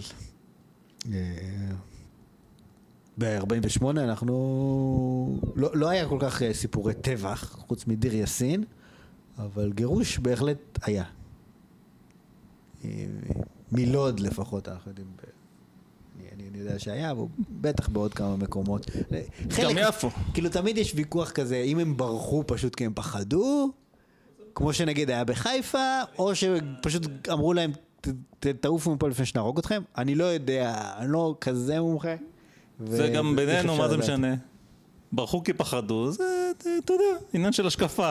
אם זה גרוע כמו, כמו גירשו אותם, אתה יודע, באו, מה זה ברחו? רק רצינו להפחיד אותם והם ברחו, כן? זה לא נשמע לי כל כך זה. אבל מה אה, קרה אחר כך? מה קרה אחר כך? זה מעניין. כי אם נגיד ברחו לכל המחנות פליטים בעזה ובגדה, כן. חלק בירדן, ונגמרה המלחמה, והחבר'ה מתחילים להסתנן חזרה. יש סיפורים באמת מסמרי שיער על חוליות של מחבלים שמסתובבים בראשון. כן. כן. באו מעזה והגיעו לראשון, והרגו אנשים ברחוב בראשון. זה משהו שהיום קצת כזה, זה נשמע כמו איזה תרחיש אימה, כאילו שכל המדינה תהיה על הרגליים. ופה זה כזה, אוקיי, יום חמישי. כאילו, כן. זה, זה היה תקופה, מלחמות הגבול של ישראל, כאילו 48 עד 56, זו תקופה די מופרעת. תקופה מופרעת. ובתגובה מה ישראל עושה? היא אומרת, אנחנו נחזיר. אנחנו גם יודעים להסתובב בעיר נכון, אנחנו נלך, ואנחנו נהרוג אותם. זה ה... כפר קיביה וכל הסיפורים האלה. השיטה הביטחונית של אה, פרנק דרבין. לא יודע אם אתה זוכר, כן, שהוא תופ... גם לוקח בת ערובה מולה. אז זה בעצם מה שעשינו. משהו כזה, פעולות דרבין. תגמול. עכשיו אריק שרון, כן, מה שיפה באריק שרון, הוא היה אזרח כבר השתחרר, ואמרו בוא תחזיר, אה, תחזור לצבא. למה? כי זה מין, מה שאני קראתי לפחות אצל בני מוריס בספר שלו, הצבא היה פשוט צבא של שלומיאלים. מלא אנשים השתחררו מהצבא, מלא לוחמים, כאילו אחרי מלחמת העצמאות, ופשוט הצבא לא תפקד. ברדק. והגיע אריק שרון, ואמרו, טוב, צריך פה מישהו ש... שבאמת יכול להוציא לפועל מבצע צבאי. וכאילו הקים את, ה... את היחידת המאה ואחת, וזה מה שהם עשו, פעולות תגמול. ובאיזשהו מקום אתה כאילו מבין מההקשר. שאריק שרון בעצם הוא האבא של הצבא, הוא עושה כאילו מין לאט לאט מקים בעצם את צה"ל בתקופה הזאת. שאתה רואה את הדובון השמנמן הזה ואתה לא מאמין כאילו שהוא בעצם, אה, אה, הוא, הוא, הוא הקים את הדבר הזה שנקרא צה"ל, זה קטע די הזוי. עכשיו, הסיפור הזה לא הביא יותר מדי ביטחון, אבל נתן תחושה טובה לאנשים. כאילו. בסוף מה אתה רוצה? למה דווקא ביטחון? אפשר גם סתם להיות מבסוט. לא, אבל אתה כאילו, אנחנו לא יושבים בשקט כצאן לטבח, אנחנו מחזירים כן. להם. זה שזה קורה שוב ושוב, זה משהו אחר. תראה, זה קצת מה שיש עכשיו, בדרך אחרת. אתה אומר, אה, כן, חמאס ניצח אותנו, אבל לפחות נכנסנו בה עם אמא שלהם. אני מאמין שיש אה, גם סנטימנט כזה בציבור. אה, זה משהו קצת אחר, אבל כן, נדבר, כי כן. היום זה, זה עובד קצת אחרת. זה דווקא מעניין, אבל בסדר. בסדר, נו, זה יש עוד כמו... זמן, כי אנחנו. עכשיו רק בשנות החמישים. כן. בכל מקרה, מה שיפה, כן, שאתה קורא את הספר של בני מוריס על, על, על 48 עד 56, לא, כמעט ולא היו הסתננויות מלבנון. ואם כן, זה היה של אנשים שטעו בדרך. אז אתה אומר לעצמך, בואנה, מה... לא, זה, הנה סמיר קונטר, סמיר קונטר בא מלבנון. אסון מעלות, משגבעם, כל, כל הדברים האלה, מה? או, טוב ששאלת. כן. כי אנחנו מכירים את ה... לא יודע אם כולם מכירים, חלק אולי מהמאזינים שלנו הם צעירים. אז, אז היה את הסיפור הזה שהיה היה אה, את הפלסטינאים שעשו את הפעולות תגמול מירדן. והם קצת עצבנו את המלך, כי הם ניסו גם להרוג אותו. קורה, אתה יודע. אתה כן. זה כאילו, קורה שאתה מתעצבן מזה שמנסה להרוג אותך. כן. קורה גם שאתה מנסה להרוג את המלך. אתה כבר עובד על להרוג ממילא. אלא תמיד חייבים לנסוע עד ראשון. אי אפשר... אה, בכל מקרה, אז מה שאמר המלך, אמר חלאס עם השטויות. ואז הוא יצא למבצע, שני- אה, לא, לא יודע זה, בישראל קוראים לזה ספטמבר השחור, כן? ספטמבר 1970, כן. שלקח את כל מי שעשה יותר מדי בעיות, הוא הרג בהם, וחלק, מי, מי, מי שעשה בעיות שלח אותו ללבנון, כדי להיפטר מהצרה הזאת. גם זה כאילו כל הפעולות, לא רק שניסו להרוג את המלך, כמובן עשו פעולות בישראל, ואז ישראל הגיבה, וכל הזמן לב- ירדן הייתה צריכה להתמודד עם הצבא הישראלי, ואריק, ומי צריך את זה? אז אה, גירשה את המחבלים ללבנון, ואז, כן, בירדן באמת היה יותר נחמד. כן. אבל בוא מבחינת... נגיד, זה, זה דוגמה טובה, מה שאתה אומר עכשיו, זה דוגמה של טרנספר שהצליח יפה מאוד. זאת אומרת, לא, בשביל. בשביל מי שביצע אותו, כן, לא בשבילנו, כן? זאת אומרת שהצבא הירדני, שהוא גם הצבא המיומן ביותר אה, מבין הצבאות הערביים באותה תקופה, עשה את מה שאנחנו לא רוצים לעשות, לא יודעים לעשות. העיף את כולם, וזהו, לא, ואין יותר שוב, צרות. אבל אין אינטרס. אותם מחבלים פלסטינאים, אין להם, הם רצו להרוג את מלך ירדן כי הוא רצה שהם יפסיקו לעשות פעולות בישראל. אין להם, האינטרס פה לא קיים. האינטרס לפגוע בישראל נשאר. זה מה שחשוב פה. כן, אז העברת אותם מירדן ללבנון, הם רוצים להרוג אותך, אז הם הורגים אותך מלבנון. כן. למעשה המצב הגיע להיות uh, כל כך חמור שב-82 היה כאילו את המלחמת הברירה שנכנסנו ללבנון כדי בעצם לגרש את המחבלים מלבנון, הפלסטינאים, שכולנו זוכרים את ה... לאן אגב? לאן? לגרש אותם לאן? אה, אה, ערפאת הוא גורש לטוניסיה. אה, כן. עכשיו, אבל האנשים עצמם, מה ההנהגה. תעשה איתם? הם, הם, במחנות פליטים עדיין בלבנון, חלק בצפון, חלק בכל מיני מקומות. נו, בסדר.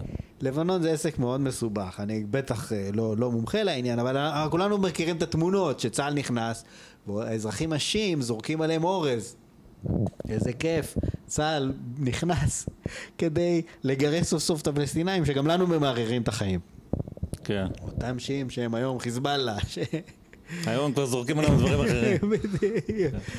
קיצר, בלאגן שלם. עכשיו, אה, אותו טרנספר של ערפאת לתוניס שיפר את המצב של ישראל מהבחינה הזאתי? לא, לא ממש. זאת אומרת, אוקיי, טרנספר זה נשמע נהדר, זה חלום של כולם. מי לא רוצה לקום שאין ערבים פה? הערבים. עזוב את הערבים, הם לא חשובים, נכון?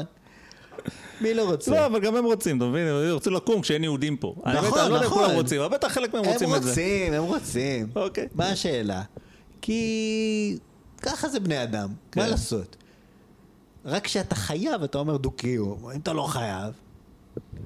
אבל אתה רואה שמבחינת ביטחון ממש, מה יקרה אם אתה תיקח את כל הבדואים, תשים אותם בעזה? אה, תעשה לכם טרנספר. אתה פשוט הוספת עוד אה, חיילים לחמאס, הם יבואו אליך עכשיו עם אה, זה, עם הטילים, נכון? זאת אומרת, כן, אבל זה זה באמת מה זה- שאמרתי זה- קודם קצת על ישראל. ישראל, באיזשהו מקום, לא יכולה לנצח את הערבים. לנצח אי אפשר.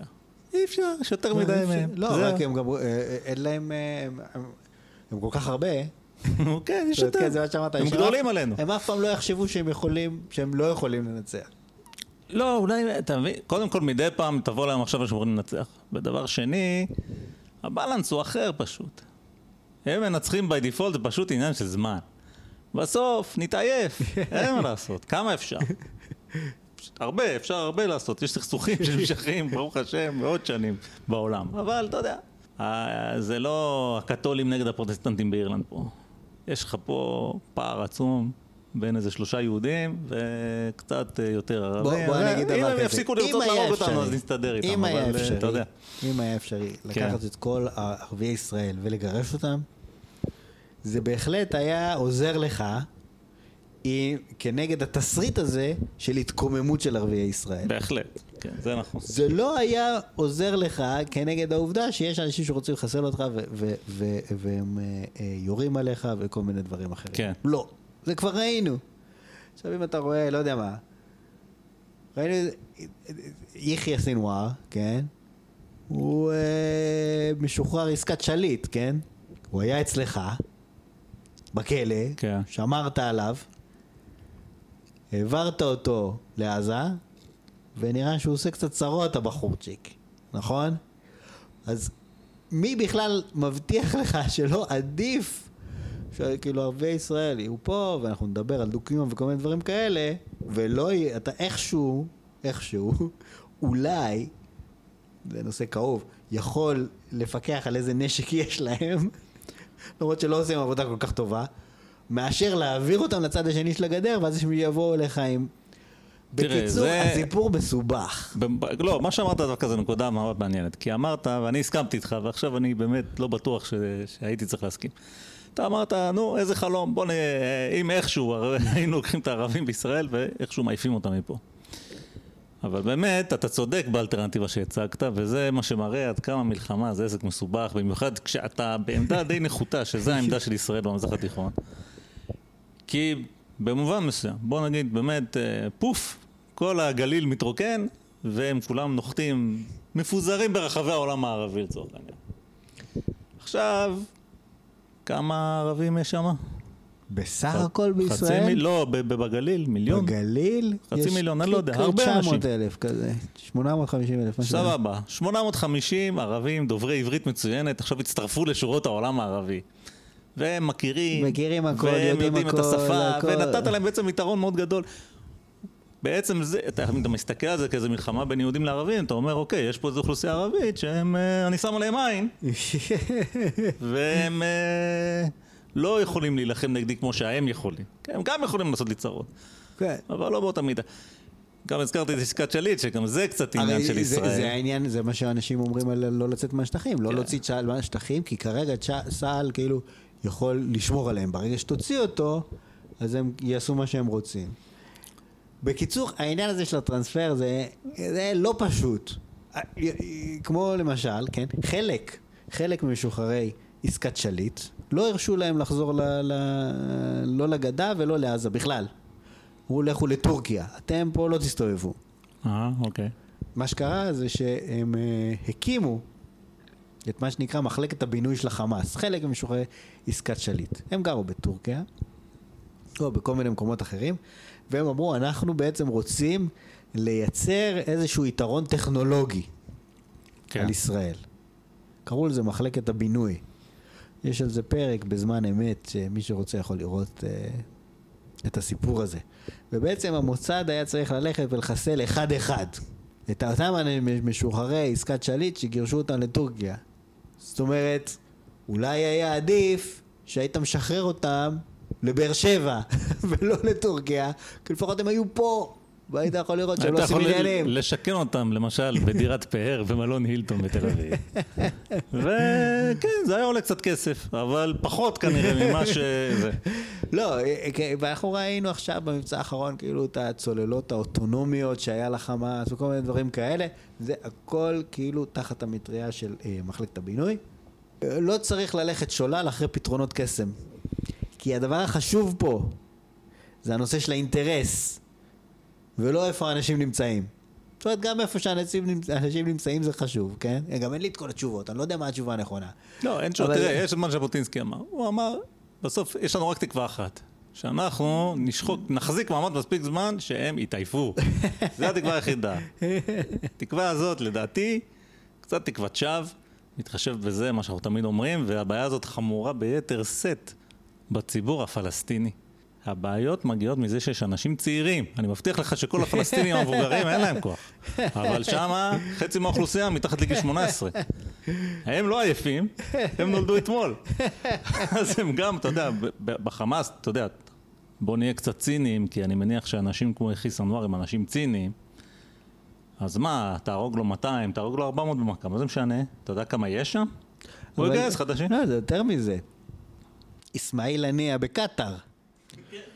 אה, אה, זיאד נחלה מהג'יהאד האיסלאמי הוא בלבנון. והאיראנים בכלל הם באיראן כאילו רילקס. והם, כל אחד, זאת אומרת, האיראנים אומרים לחמאס, אומרים להנייה שבקטאר, "ת- תעשו בלאגן. והנייה אומר לסינואר, תעשה בלאגן. ואז הוא שולח את המיניונים שלו לעשות בלאגן. ואז נגמר המבצע, ואז הוא אומר, חבר'ה, אתם שם בגדה, אני, זהו, אני סיימתי להילחם. אתם בגדה שם, הולך להיות מצעד הדגלים עוד מעט, תעשו להם בלאגן. כן. ערביי ישראל, תעשו להם בלאגן. ישראל, ישראל היא כאילו- בעצם היא הילד הזה שמנסה לתפוס את הכדור, אבל כל פעם מוסרים את זה למישהו לא, אחר. כל אחד עושה כאילו דלגיישן, אף אחד לא רוצה לעבוד, כולם עושה דלגיישן למישהו אחר שיעשה את הבלאגן. נכון? אז באמת, מה אכפת לו, כאילו, סינואר, זה לא מעניין אותו. שאנחנו פה בישראל, וואי, חייל מת, זה כאילו, וואי, וואי, וואי, שם זה בוטנם. אה, טוב, פה כמה אנחנו סוטים לגמרי מהנושא, אבל אין מה לעשות. סטינו זה- בנושא, אבל זה קשור. זה נושא כזה.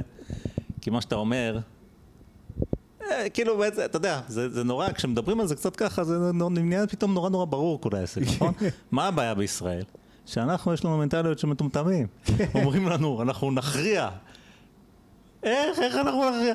נכון, אנחנו יכולים באיזשהו קרב מוגבל, כן, אז בואו בוא נדבר על מה שקרה. מקום. בוא אבל הם נדבר על מה. שקרה, אוקיי? בוא נדבר על מה רגע. ואפרופו הדבר כן. השני שהזכיר לי משהו, זה האמרה המפורסמת של נפוליאון.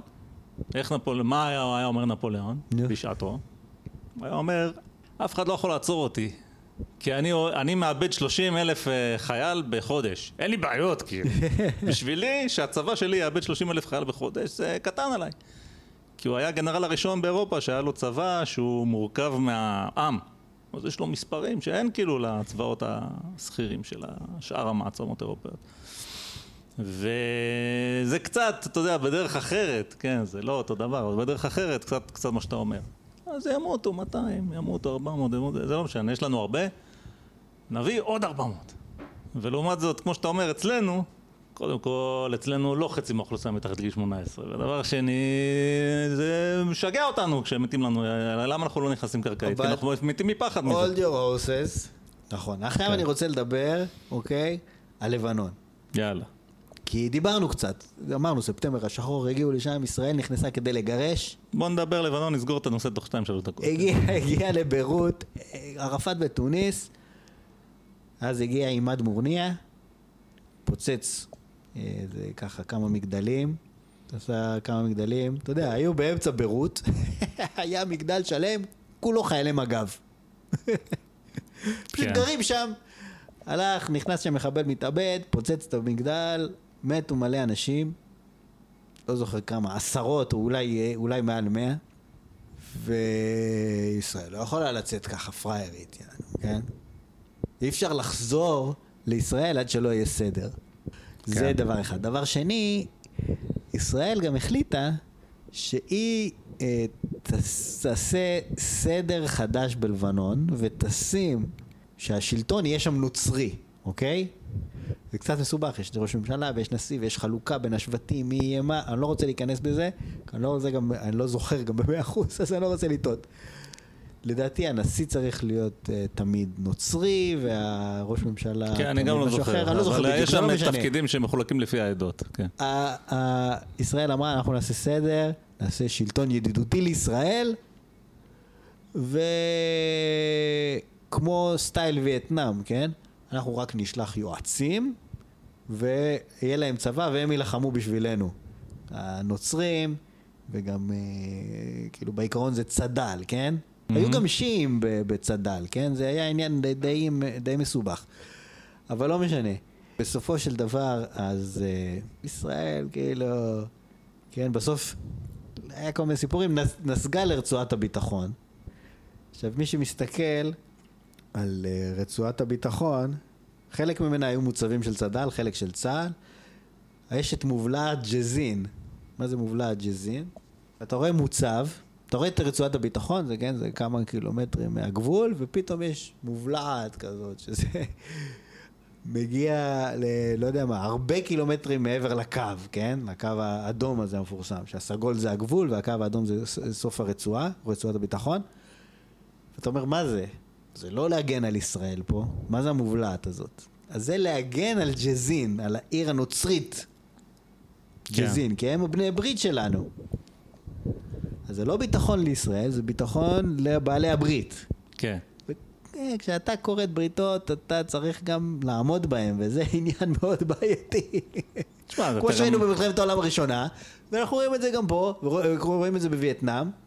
כן. אז, אז אה, בעצם, אתה נמצא ברצועת הביטחון, לצורך העניין, אה, אין לך סיבה להיות שם, אבל אתה לא מצליח להחליף את הממשלה, לא מצליח להחליף את השלטון, אבל הם כן אה, בני ברית שלך, ואתה הבטחת שתדאג להם. אז בעצם אתה, הסיבה שאתה נשאר שם, זה כדי לשמור על בני הברית שלך. אוקיי? לשמור על בעיה עכשיו, לשמור על הפאסון שלך מול... אה, לשמור. גם קצת על הפאסון, כן, אבל חשוב. לשמור קצת על הפאסון, זה- אבל אין, בעיקרון עקרו- עקרוני, היה שלבים שהיה אפשר להגיד, פשוט לצאת ולהגיד שניצחנו. היה שלבים כאלה. זה לא קרה כי כאילו, אתה אומר, צריך לשמור על, ה, על, על הצד"לניקים ועל החבר'ה הנוצרים שם. לא, אבל מה זאת אומרת, המוטיבציה העיקרית שלך לשמור על הבני ברית שלך, כשהם לא באמת עוזרים לך, זה רק לשמור על פאסון. זה כדי שבפעם הבאה שתרצה לכרות ברית, לא. אז אה, ייקחו אותך ברצינות. אז זה אוקיי, אני מסכים חלקית, זה חלק מהשיקולים, ודאי. אבל כן. חלק מהרעיון זה גם אה, איכשהו קיוו שיגיעו למצב שהם באמת ישתלטו על העסק, מה שלא קרה. כן, אגב, זה עוד איזה כישלון של, אה, כישלונן של מילים ושל קונספציות. אמרת קודם, ישראל תעשה שלטון ידידותי בלבנון. יש פה שני דברים מגוחכים לחלוטין. אחד, שישראל מתנהגת כמו איזה מעצמה קולוניאליסטית, רבת עוצמה, כן, שמסוגלת לנהל, בקושי את הממשלה של עצמה היא מנהלת, היא גם... זה היבריס טוטאלי. והדבר השני, גם, אתה יודע, רק המילים מטות. נעשה שלטון ידידותי, זה, אני אולי אפילו היית יכול, אבל הוא שולט באמת? זה כאילו, זה משהו שאולי לא קרה, אבל גם אם היה קורה. שלטון צריך לשלוט, אז אתה יודע, אתה, שואל את עצמך. אני לא, לא הייתי שם בין מקבלי ההחלטות, כן. לא יודע איך דברים כל כך השתבשו, אבל אם השתבשו אין ספק. לא, בסדר, אני לא מבין כלום, אני רק פה יושב בכיף ומעביר ביקורת על כולם, זה, זה התחביב, זה המנדט שלי פה ב... זה נכון, הם השתבשו. עכשיו, אז בשלב מסוים הגיע אהוד ברק, גם הסורים היו מעורבבים שם כמובן בלבנון. בשלב מסוים אהוד ברק הגיע, אמר, אני פשוט פותר את עניין לבנון צ'יק צ'אק, בא לאסד, אמר לו, תשמע, אז בוא נעשה שלום. צ'יק צ'אק אנחנו סוגרים את זה, בסגנון של אהוד. כן. חבר שלי, אהוד. בוא נפתור את זה צ'יק צ'אק. מה הבעיה? אני יורד מכל רמת הגולן, אתה תיתן לי איזה כמה אה, איזה סידורי ביטחון, תן לי גם את, אה, ת, ת, תשתיק את החיזבאללה, כי אתה הפטרון שלו כאילו, תרגיע אותו, והכל יהיה טוב. אולי גם נעשה שלום ביחד עם לבנון על הדרך, הם לא כל כך הסכימו. בסוף העניין נפל, אני שמעתי כמה גרסאות של זה, אבל בעיקרון מה שאהוד ברק אמר, אני מוכן לרדת מכל רמת הגולן, חוץ מ... אני רוצה שליטה על מקורות המים. זאת אומרת שהסורים לא יוכלו לטבול את הרגל בירדן, אה, סליחה, ב, ב... כן, גם בירדן, אבל בעיקר בכנרת. הכנרת זה כאילו היה איזשהו סמל.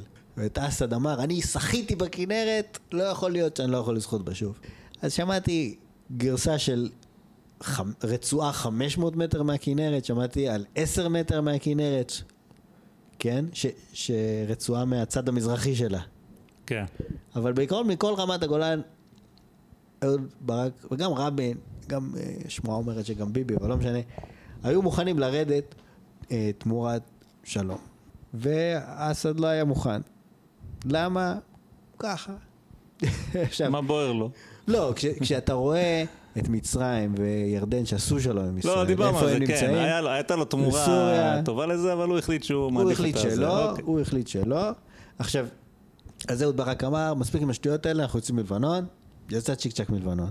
אה, לקחו גם כמה צד"לניקים על הדרך, שגרים פה בישראל, אבל זה היה מחזה קצת מביש של אותם צד"לניקים שעומדים ב- ב- בתור בשער אה, פאטמה בשביל להיכנס, ועם כל המיטלטלין שלהם, הם כאילו בני ברית, ואתה כאילו מתייחס אליהם בצורה הזאת, לא משנה.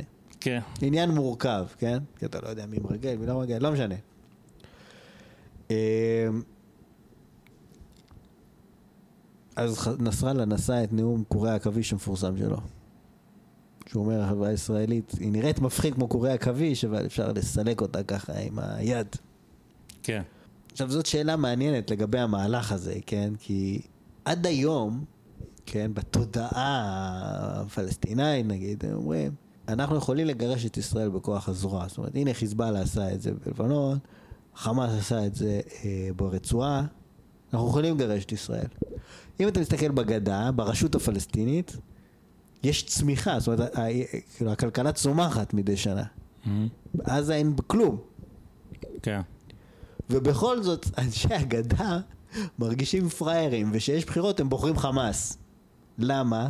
כי הם רוצים את הכבוד. אנחנו נגרש אותם, אנחנו יכולים לגרש אותם בכוח הזרוע. ואומרים שגם ערפאת, זה שלמה בן עמי בספר שקראתי שלו, שדיבר על המשא ומתן, הוא אומר שגם ערפאת אמר, הנה מה, יצאתם מלבנון, החיזבאללה גירש אתכם.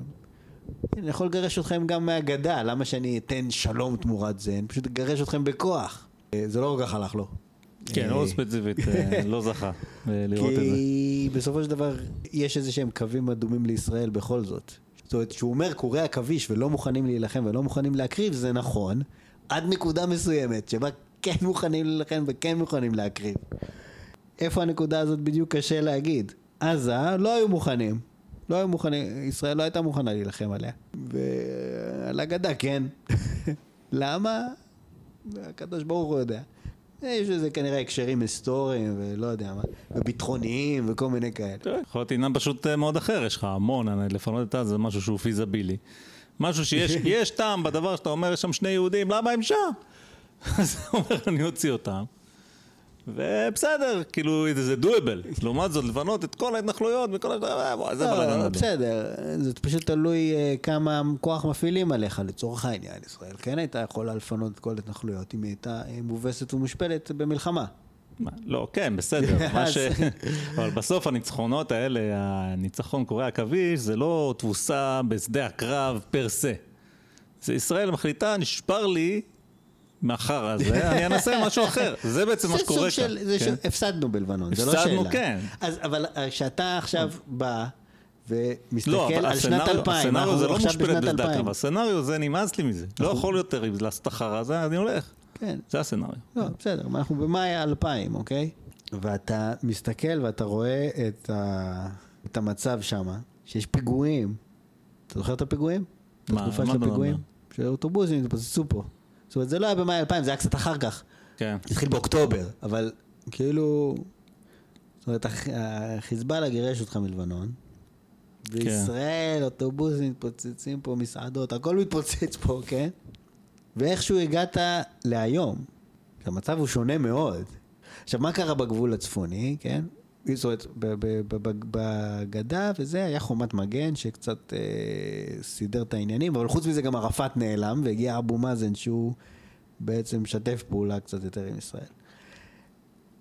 בצפון, אה, נסראללה, בסדר, הוא גירש את ישראל, אבל עכשיו הוא רוצה גם את האסירים שלו, את סמיר קונטרלם המפורסם, כן?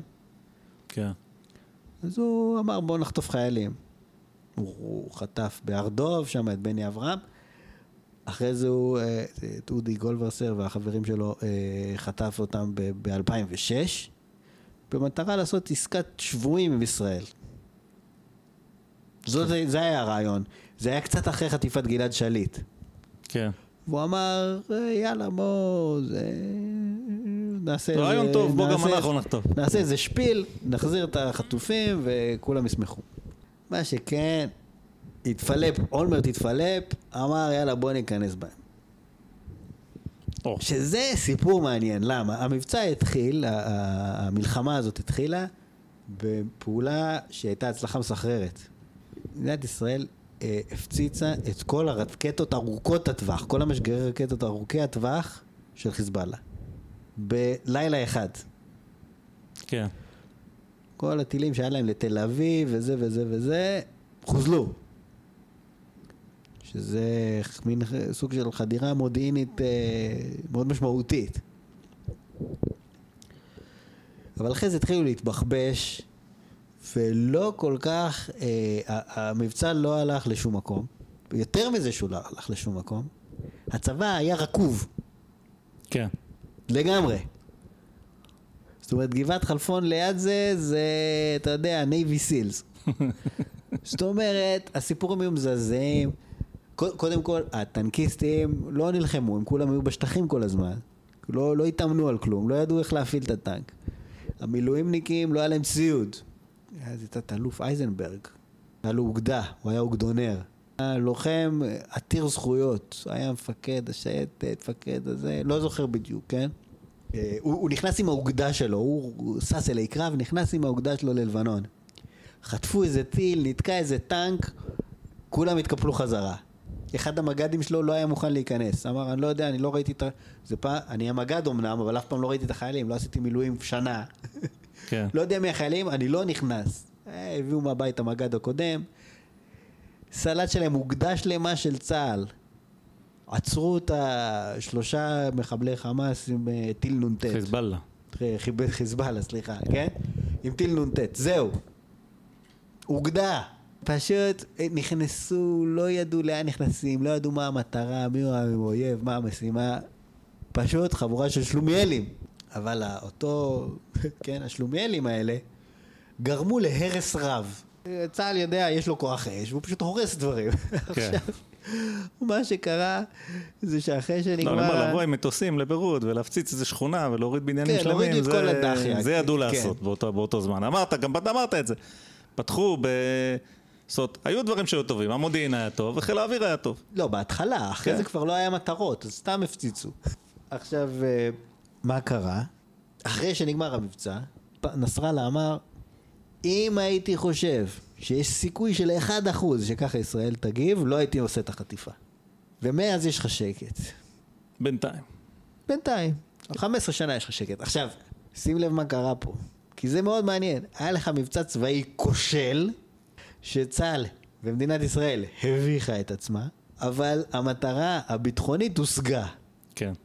כן. בוא נגיד 15 שנה שקט, שבינתיים זה 15 שנה. 15 שנה שקט, עזוב, זה הושגה. לא, היית אומר, הייתי יכול לצפות שזה מה שאני אשיג אם הייתי איזה מבצע טוב. אבל מה, אתה אומר, עשיתי מבצע גרוע. בדיוק, בדיוק. כן, ויצאתי פראייר, וכולם פה היו עצובים, והיו, לא יודע, אני לא זוכר מה היה כבר, ועדת חקירה, שמה ועדת חקירה, כאילו, איזה פשלות, ה- מפקדי הפלזמות, אתה זוכר את הביטוי כן, הזה? כן, המפקדים כן. שמסתכלים על הפלזמות, ואיזה כן. ביזיון נהיה מהצבא, ולא היה ציוד, וזה כן. וזה וזה, וכולם, והיה פה, כולם בכו פה. אבל אתה אומר, הנה, דווקא זה כן השיג את המטרה, למרות הביזיון הגדול. כן. שזה... פרדוקס, פרדוקס שזה לכאורה. מפתיע, כן. שזה מפתיע, נכון? הרי מה גיורא ענבר, מה הוא אמר? גיורא ענבר, אה, גם כן, היה לוחם, עטור תהילה, מפקד שלדג, לא יודע מה, כן?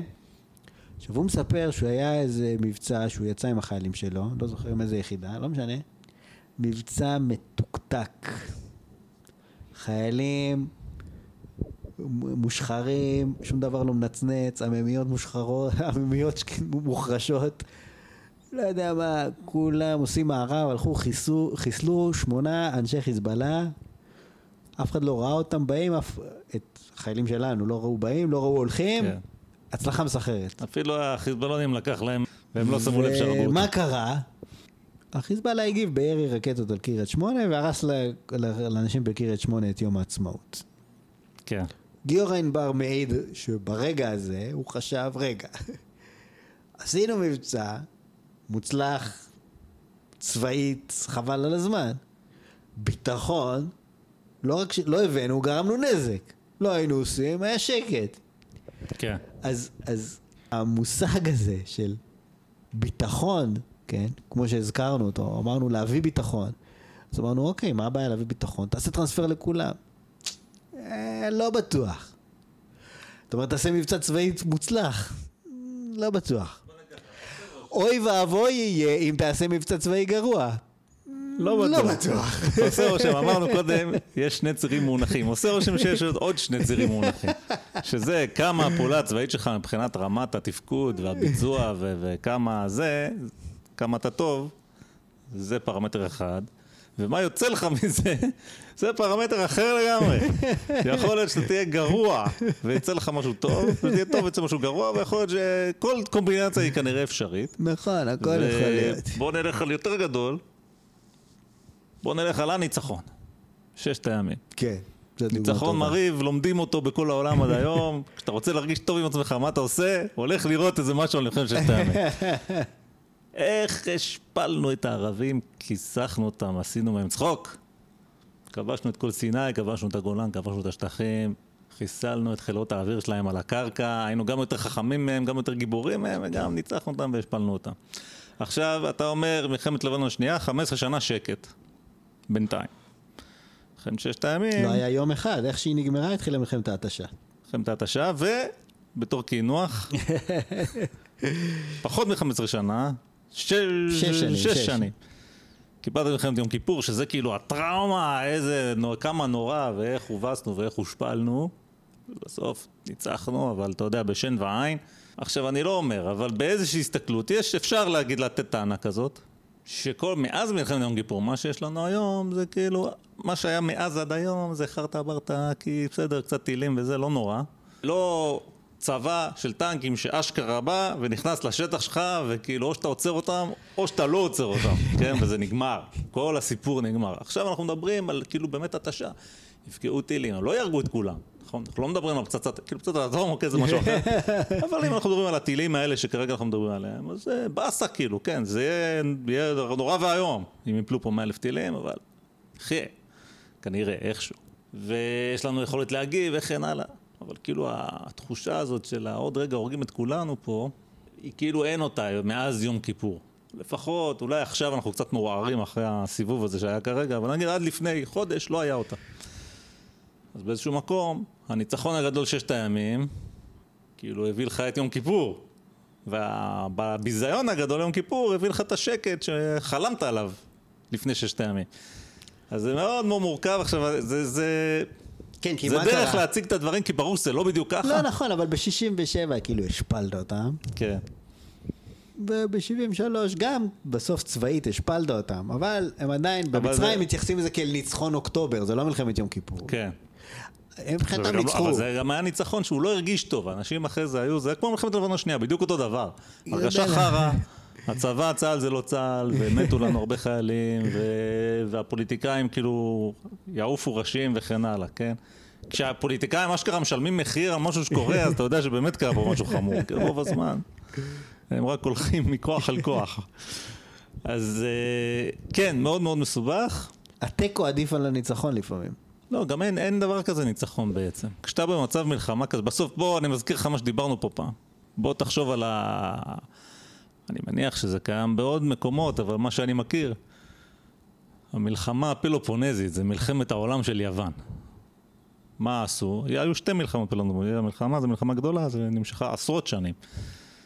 ובין המלחמה הראשונה לשנייה היה הסכם, לא שלום, הסכם שלום ל-30 שנה.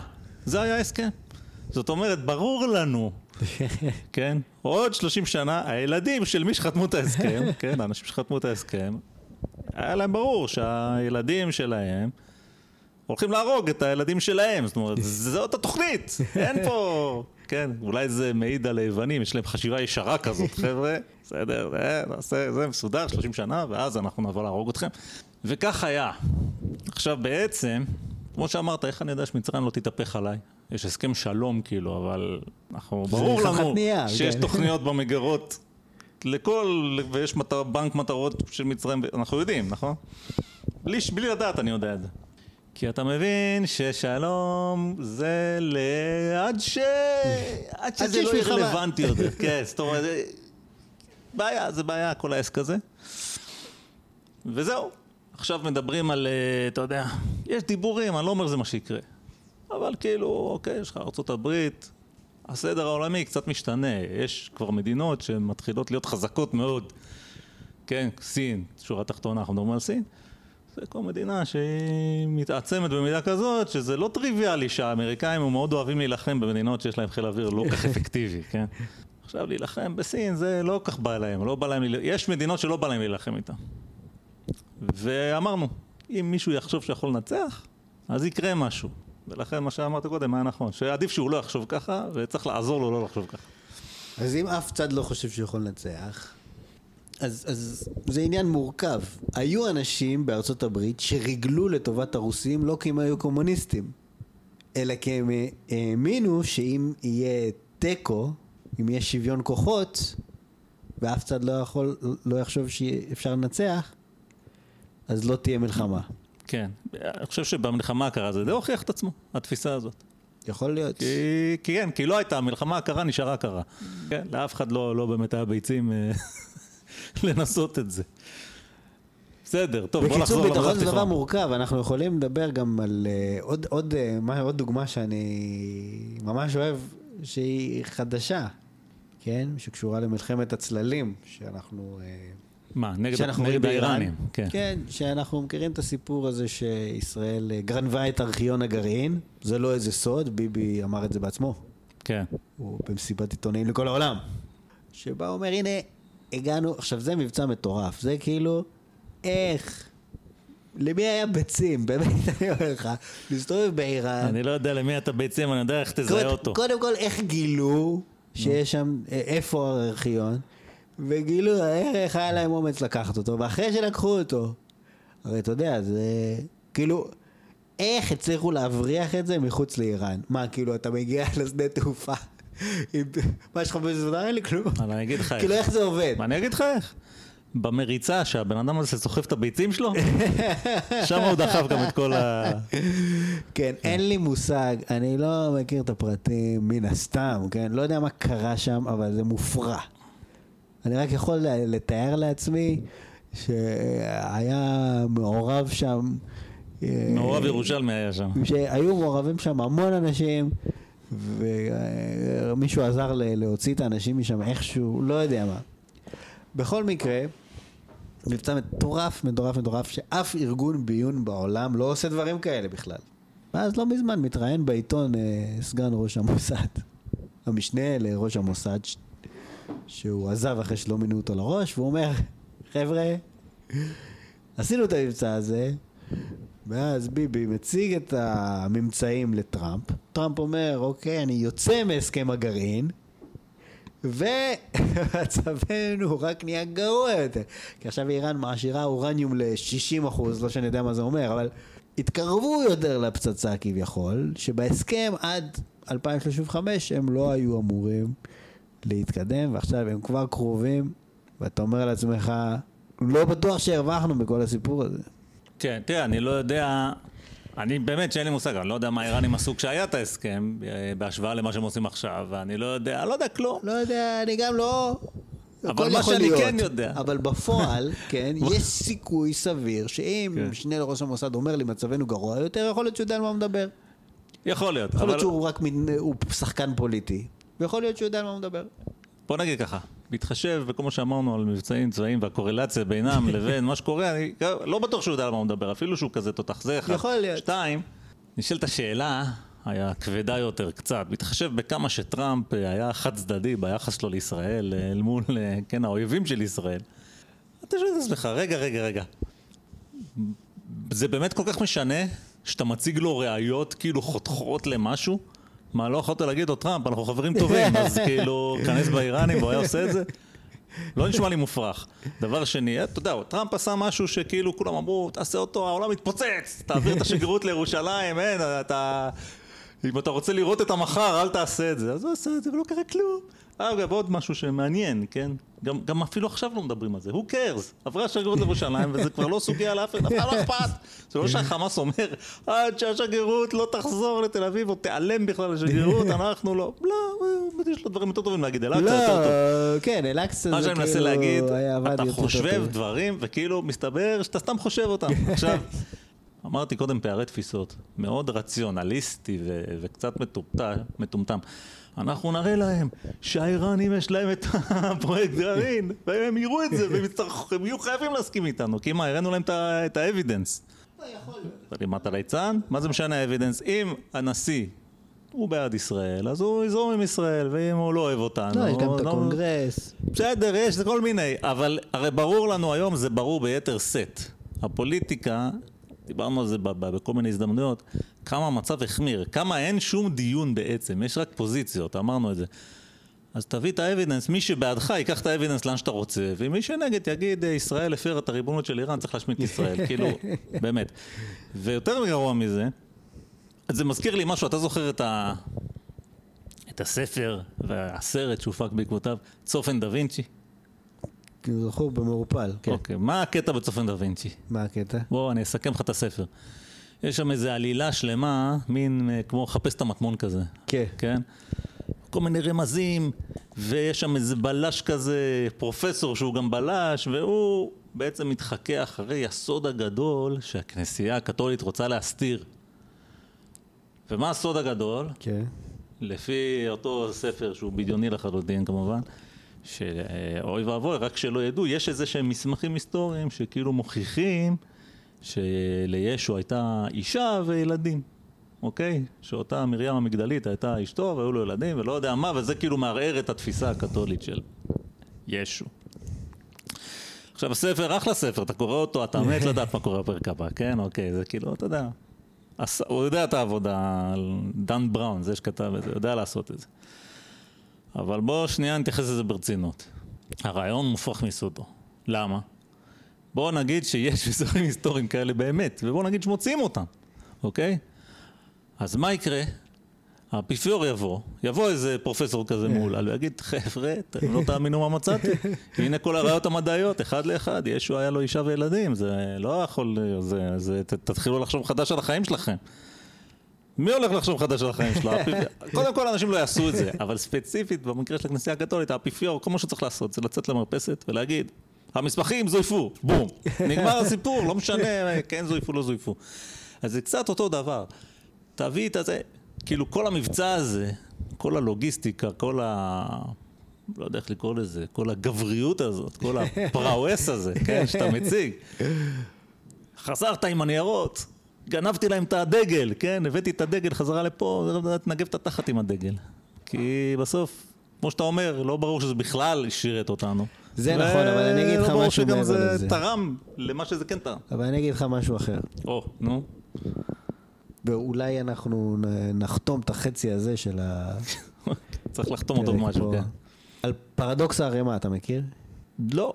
לא. זה? שכחתי אותו, שהכרתי, לא אתה הכרתי. יודע מה זה, אתה יודע מה זה. אני שואל אותך, אוקיי, כשאתה רואה אה, ערימה של חול, אתה אומר לי, אני שואל, אני שואל אותך, מה זה? ואתה אומר לי, אה, זה ערימה של חול. כן. אומר, טוב. עכשיו אני בא ושם גרגר אחד, אני שואל אותך, זה ערימה? אהה, אתה אומר אוקיי. לי, לא, זה גרגר. אני שם שניים, אני אומר לך, זה ערימה? כן. אתה אומר לי, לא, זה שני גרגירים. טוב, אתה מתחיל להקשות, אני שם שלו עוד אחד. כן. באיזה שלב זה הופך לי מכמה כן. גרגירים לערימה? כן, מתי? כן. אז זה כאילו מה שנקרא פרדוקס הערימה. כן. כשאני מסתכל על, על ביטחון, אז אתה אומר, אוקיי, הפעולה הזאת, זה מה שעושה את ההבדל. הפעולה הזאת זה מה שעושה את ההבדל. אתה יודע, כל פעולה בפני עצמה אולי לא עושה, אבל כן. באיזשהו שלב זה מצטבר והופך להיות מה שנקרא ביטחון. מישהו יודע להגיד מה זה? לא, אף אחד לא יודע להגיד. ואני אגיד לך יותר מזה, נו. עבדת בהייטק. נניח, אה, אתה גוגל. אוקיי. תשאל אותי מה שאתה רוצה. נו. אתה, יש לך עכשיו אני יודע מה זה מוצר. מצליח, כן? כן. מכניס מלא כסף, המנוע חיפוש. עכשיו אתה אומר, בואנה, יש לי מלא כסף, אני צריך לעשות עם זה משהו. ואז אתה אומר, אה, בוא, אה, מר אה, משה, תעשה לי פרויקט, תעשה גוגל פלוס. כן. הוא בא, עושה גוגל פלוס. עכשיו גוגל פלוס כושל, אומרים מפסיקים עם גוגל פלוס. אבל חייב יש לך את משה, ויש לך את ההיררכיה של משה. כל מי שמתחתיו, ומשה לא רוצה כאילו לצאת פרש. הוא, זה העבודה שלו, מה הוא יגיד? לא הצלחתי, אני אלך הביתה? ומה גוגל יגידו? לא נעים לפטר, אנחנו עושים כל כך הרבה כסף, נפטר? משה, בוא תעשה משהו אחר. ומשה אומר, אני, אני אראה להם שאני יכול לעשות את המוצר הכי משוכלל, ואז אם כל כך יעריכו אותי, יקפיץ אותי בדרגה עוד אחד למעלה. אוקיי. ככה זה בהייטק. יש לך, למנהל יש לו אינטרס, נכון? לקחת את הצוות שלו ולעשות כמה שיותר, כדי שיגידו, או, אתה הוא תותח, בוא נקפיץ אותו. טוב, נו. מה קורה בצבא? זה לא עובד ככה. יש לך את uh, מפקד הסיירת. הוא רוצה שיגידו, או, בתקופת המפקד עין, היחידה עשתה הכי הרבה פעולות בהיסטוריה. נקדם אותו. אם הוא יגיד, חבר'ה, לא צריך לעשות כלום, בוא נשב ננוח, הוא לא יקדמו אותו. הוא גם כנראה לא היה מגיע לשם, אם זה מה אומר. הוא זה בן אדם שאומר, רגע, אהוד ברק התחפש לאישה, אז אני אתחפש לילדה. הוא יתחפש לילדה, אני אתחפש לחתול, ואני אכנס, ואני אהרוג אותו עם סיכת אה, ביטחון. אני אהרוג אותו, לא עם סיכה שדוקרת, עם סיכת ביטחון. בקיצור, אתה כן, אתה יכול... אה, הנה עכשיו יוסי כהן, כן, יוסי כהן, ראש המוסד, הוא כאילו, וואו, איזה דברים הוא עשה, ואנחנו מכירים את ארכיון הגרעין, ועוד כל מיני פיצוצים היסטוריים, שאני לא יודע אם זה קשור למוסד, לא קשור למוסד, אף פעם אי אפשר לדעת. כן. אבל כאילו, הוא, כאילו, כולם מחזיקים ממנו, נכון?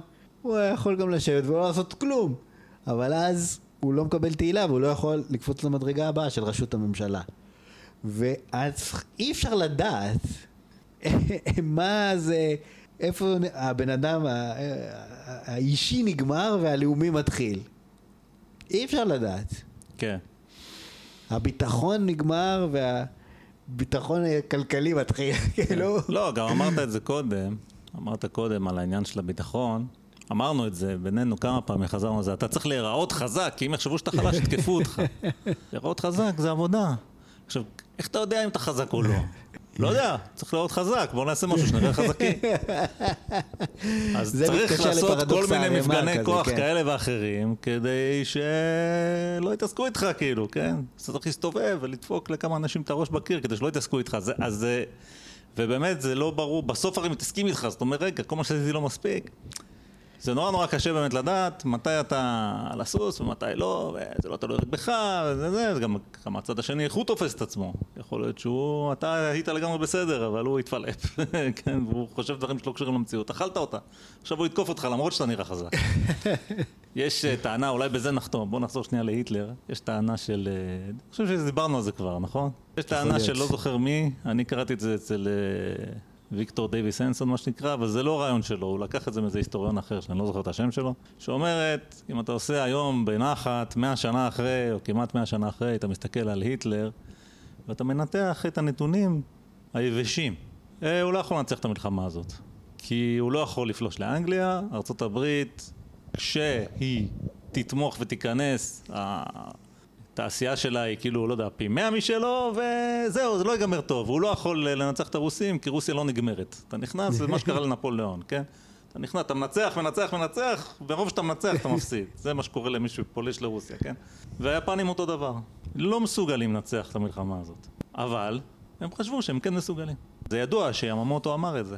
אנחנו לא יכולים לנצח את האמריקאים. אנחנו כן יכולים לנצח אותם רק בגלל דבר אחד, הם סמרטוטים. אז ניתן להם אחת, וזהו. אז הוא נתן להם אחת. אה, הם לא היו סמרטוטים. הוא חשב שהם כן, אבל הם לא היו. כי הוא, לא יודע, הבין את התרבות שלהם אחרת, והם נראו לו סמרטוטים, אבל הם לא היו סמרטוטים. אז לא משנה בעצם כמה אתה גדול וחזק, באמת, זה אולי באמת ההזיה הכי גדולה. ארצות הברית בשלב הזה זה כבר ברור כאילו בניתוח אובייקטיבי שאתה לא הולך לנצח מלחמה נגדם אם אתה יפן, זה לא הולך לקרות. אבל זה לא משנה כי אתה לא אובייקטיבי. זהו. אז לא משנה, אז אתה יכול להיראות הכי חזק בעולם ולהיות הכי חזק בעולם. ועדיין יתקפו אותך. אז מה זה עוזר? אז החיים קשים ואתה עדיין צריך להיות חזק ולהיראות חזק. וכן, אנחנו נחתום, אני רק אה, רק אגיד את הדבר האחרון, כן. לפני שאנחנו חותמים, שיש לשים לב, אנחנו, כן, לא נתנו שורה תחתונה, אבל אם אתם זה תקראו, בפרק הבא זה יהיה. אם אתם תקראו בעיתון, ויש את הפרשן הצבאי, או הלא יודע מה, הוא נותן שורות תחתונות חמש נותן, פעמים גם בשבוע. הפוליטיקאים, כן. הם נותנים לך שורות תחתונות, ואנחנו ראינו, דיברנו על, נתנו הרבה מאוד דוגמאות. העולם הוא כאוטי, ולדעת מה נכון ולא נכון, זה סרט. אפילו בדיעבד אי אפשר לדעת מה נכון. אפילו בדיעבד אי אפשר לדעת. כן. לא יזיק לאנשים טיפה צניעות. כן, טוב, אז זה באמת אה, נקודה טובה לחתום בה. כן, ואנחנו נמשיך, יש עוד הרבה. כן, ואולי רק נזכיר, וזה אולי הלקח האמיתי. אתה יודע מה אני הולך להגיד? לעשות share, לא, לא, לעשות subscribe. זה אמרתי בהתחלה. אה, אוקיי. הלקח, אל תשכח. שכחת אותו נראה, אז אני אזכיר לך. כן, תזכיר לי. לא יעזור כלום. ואין מה לעשות. אוי וואי. וואי וואי. טוב, יאללה, סלמת. יאללה.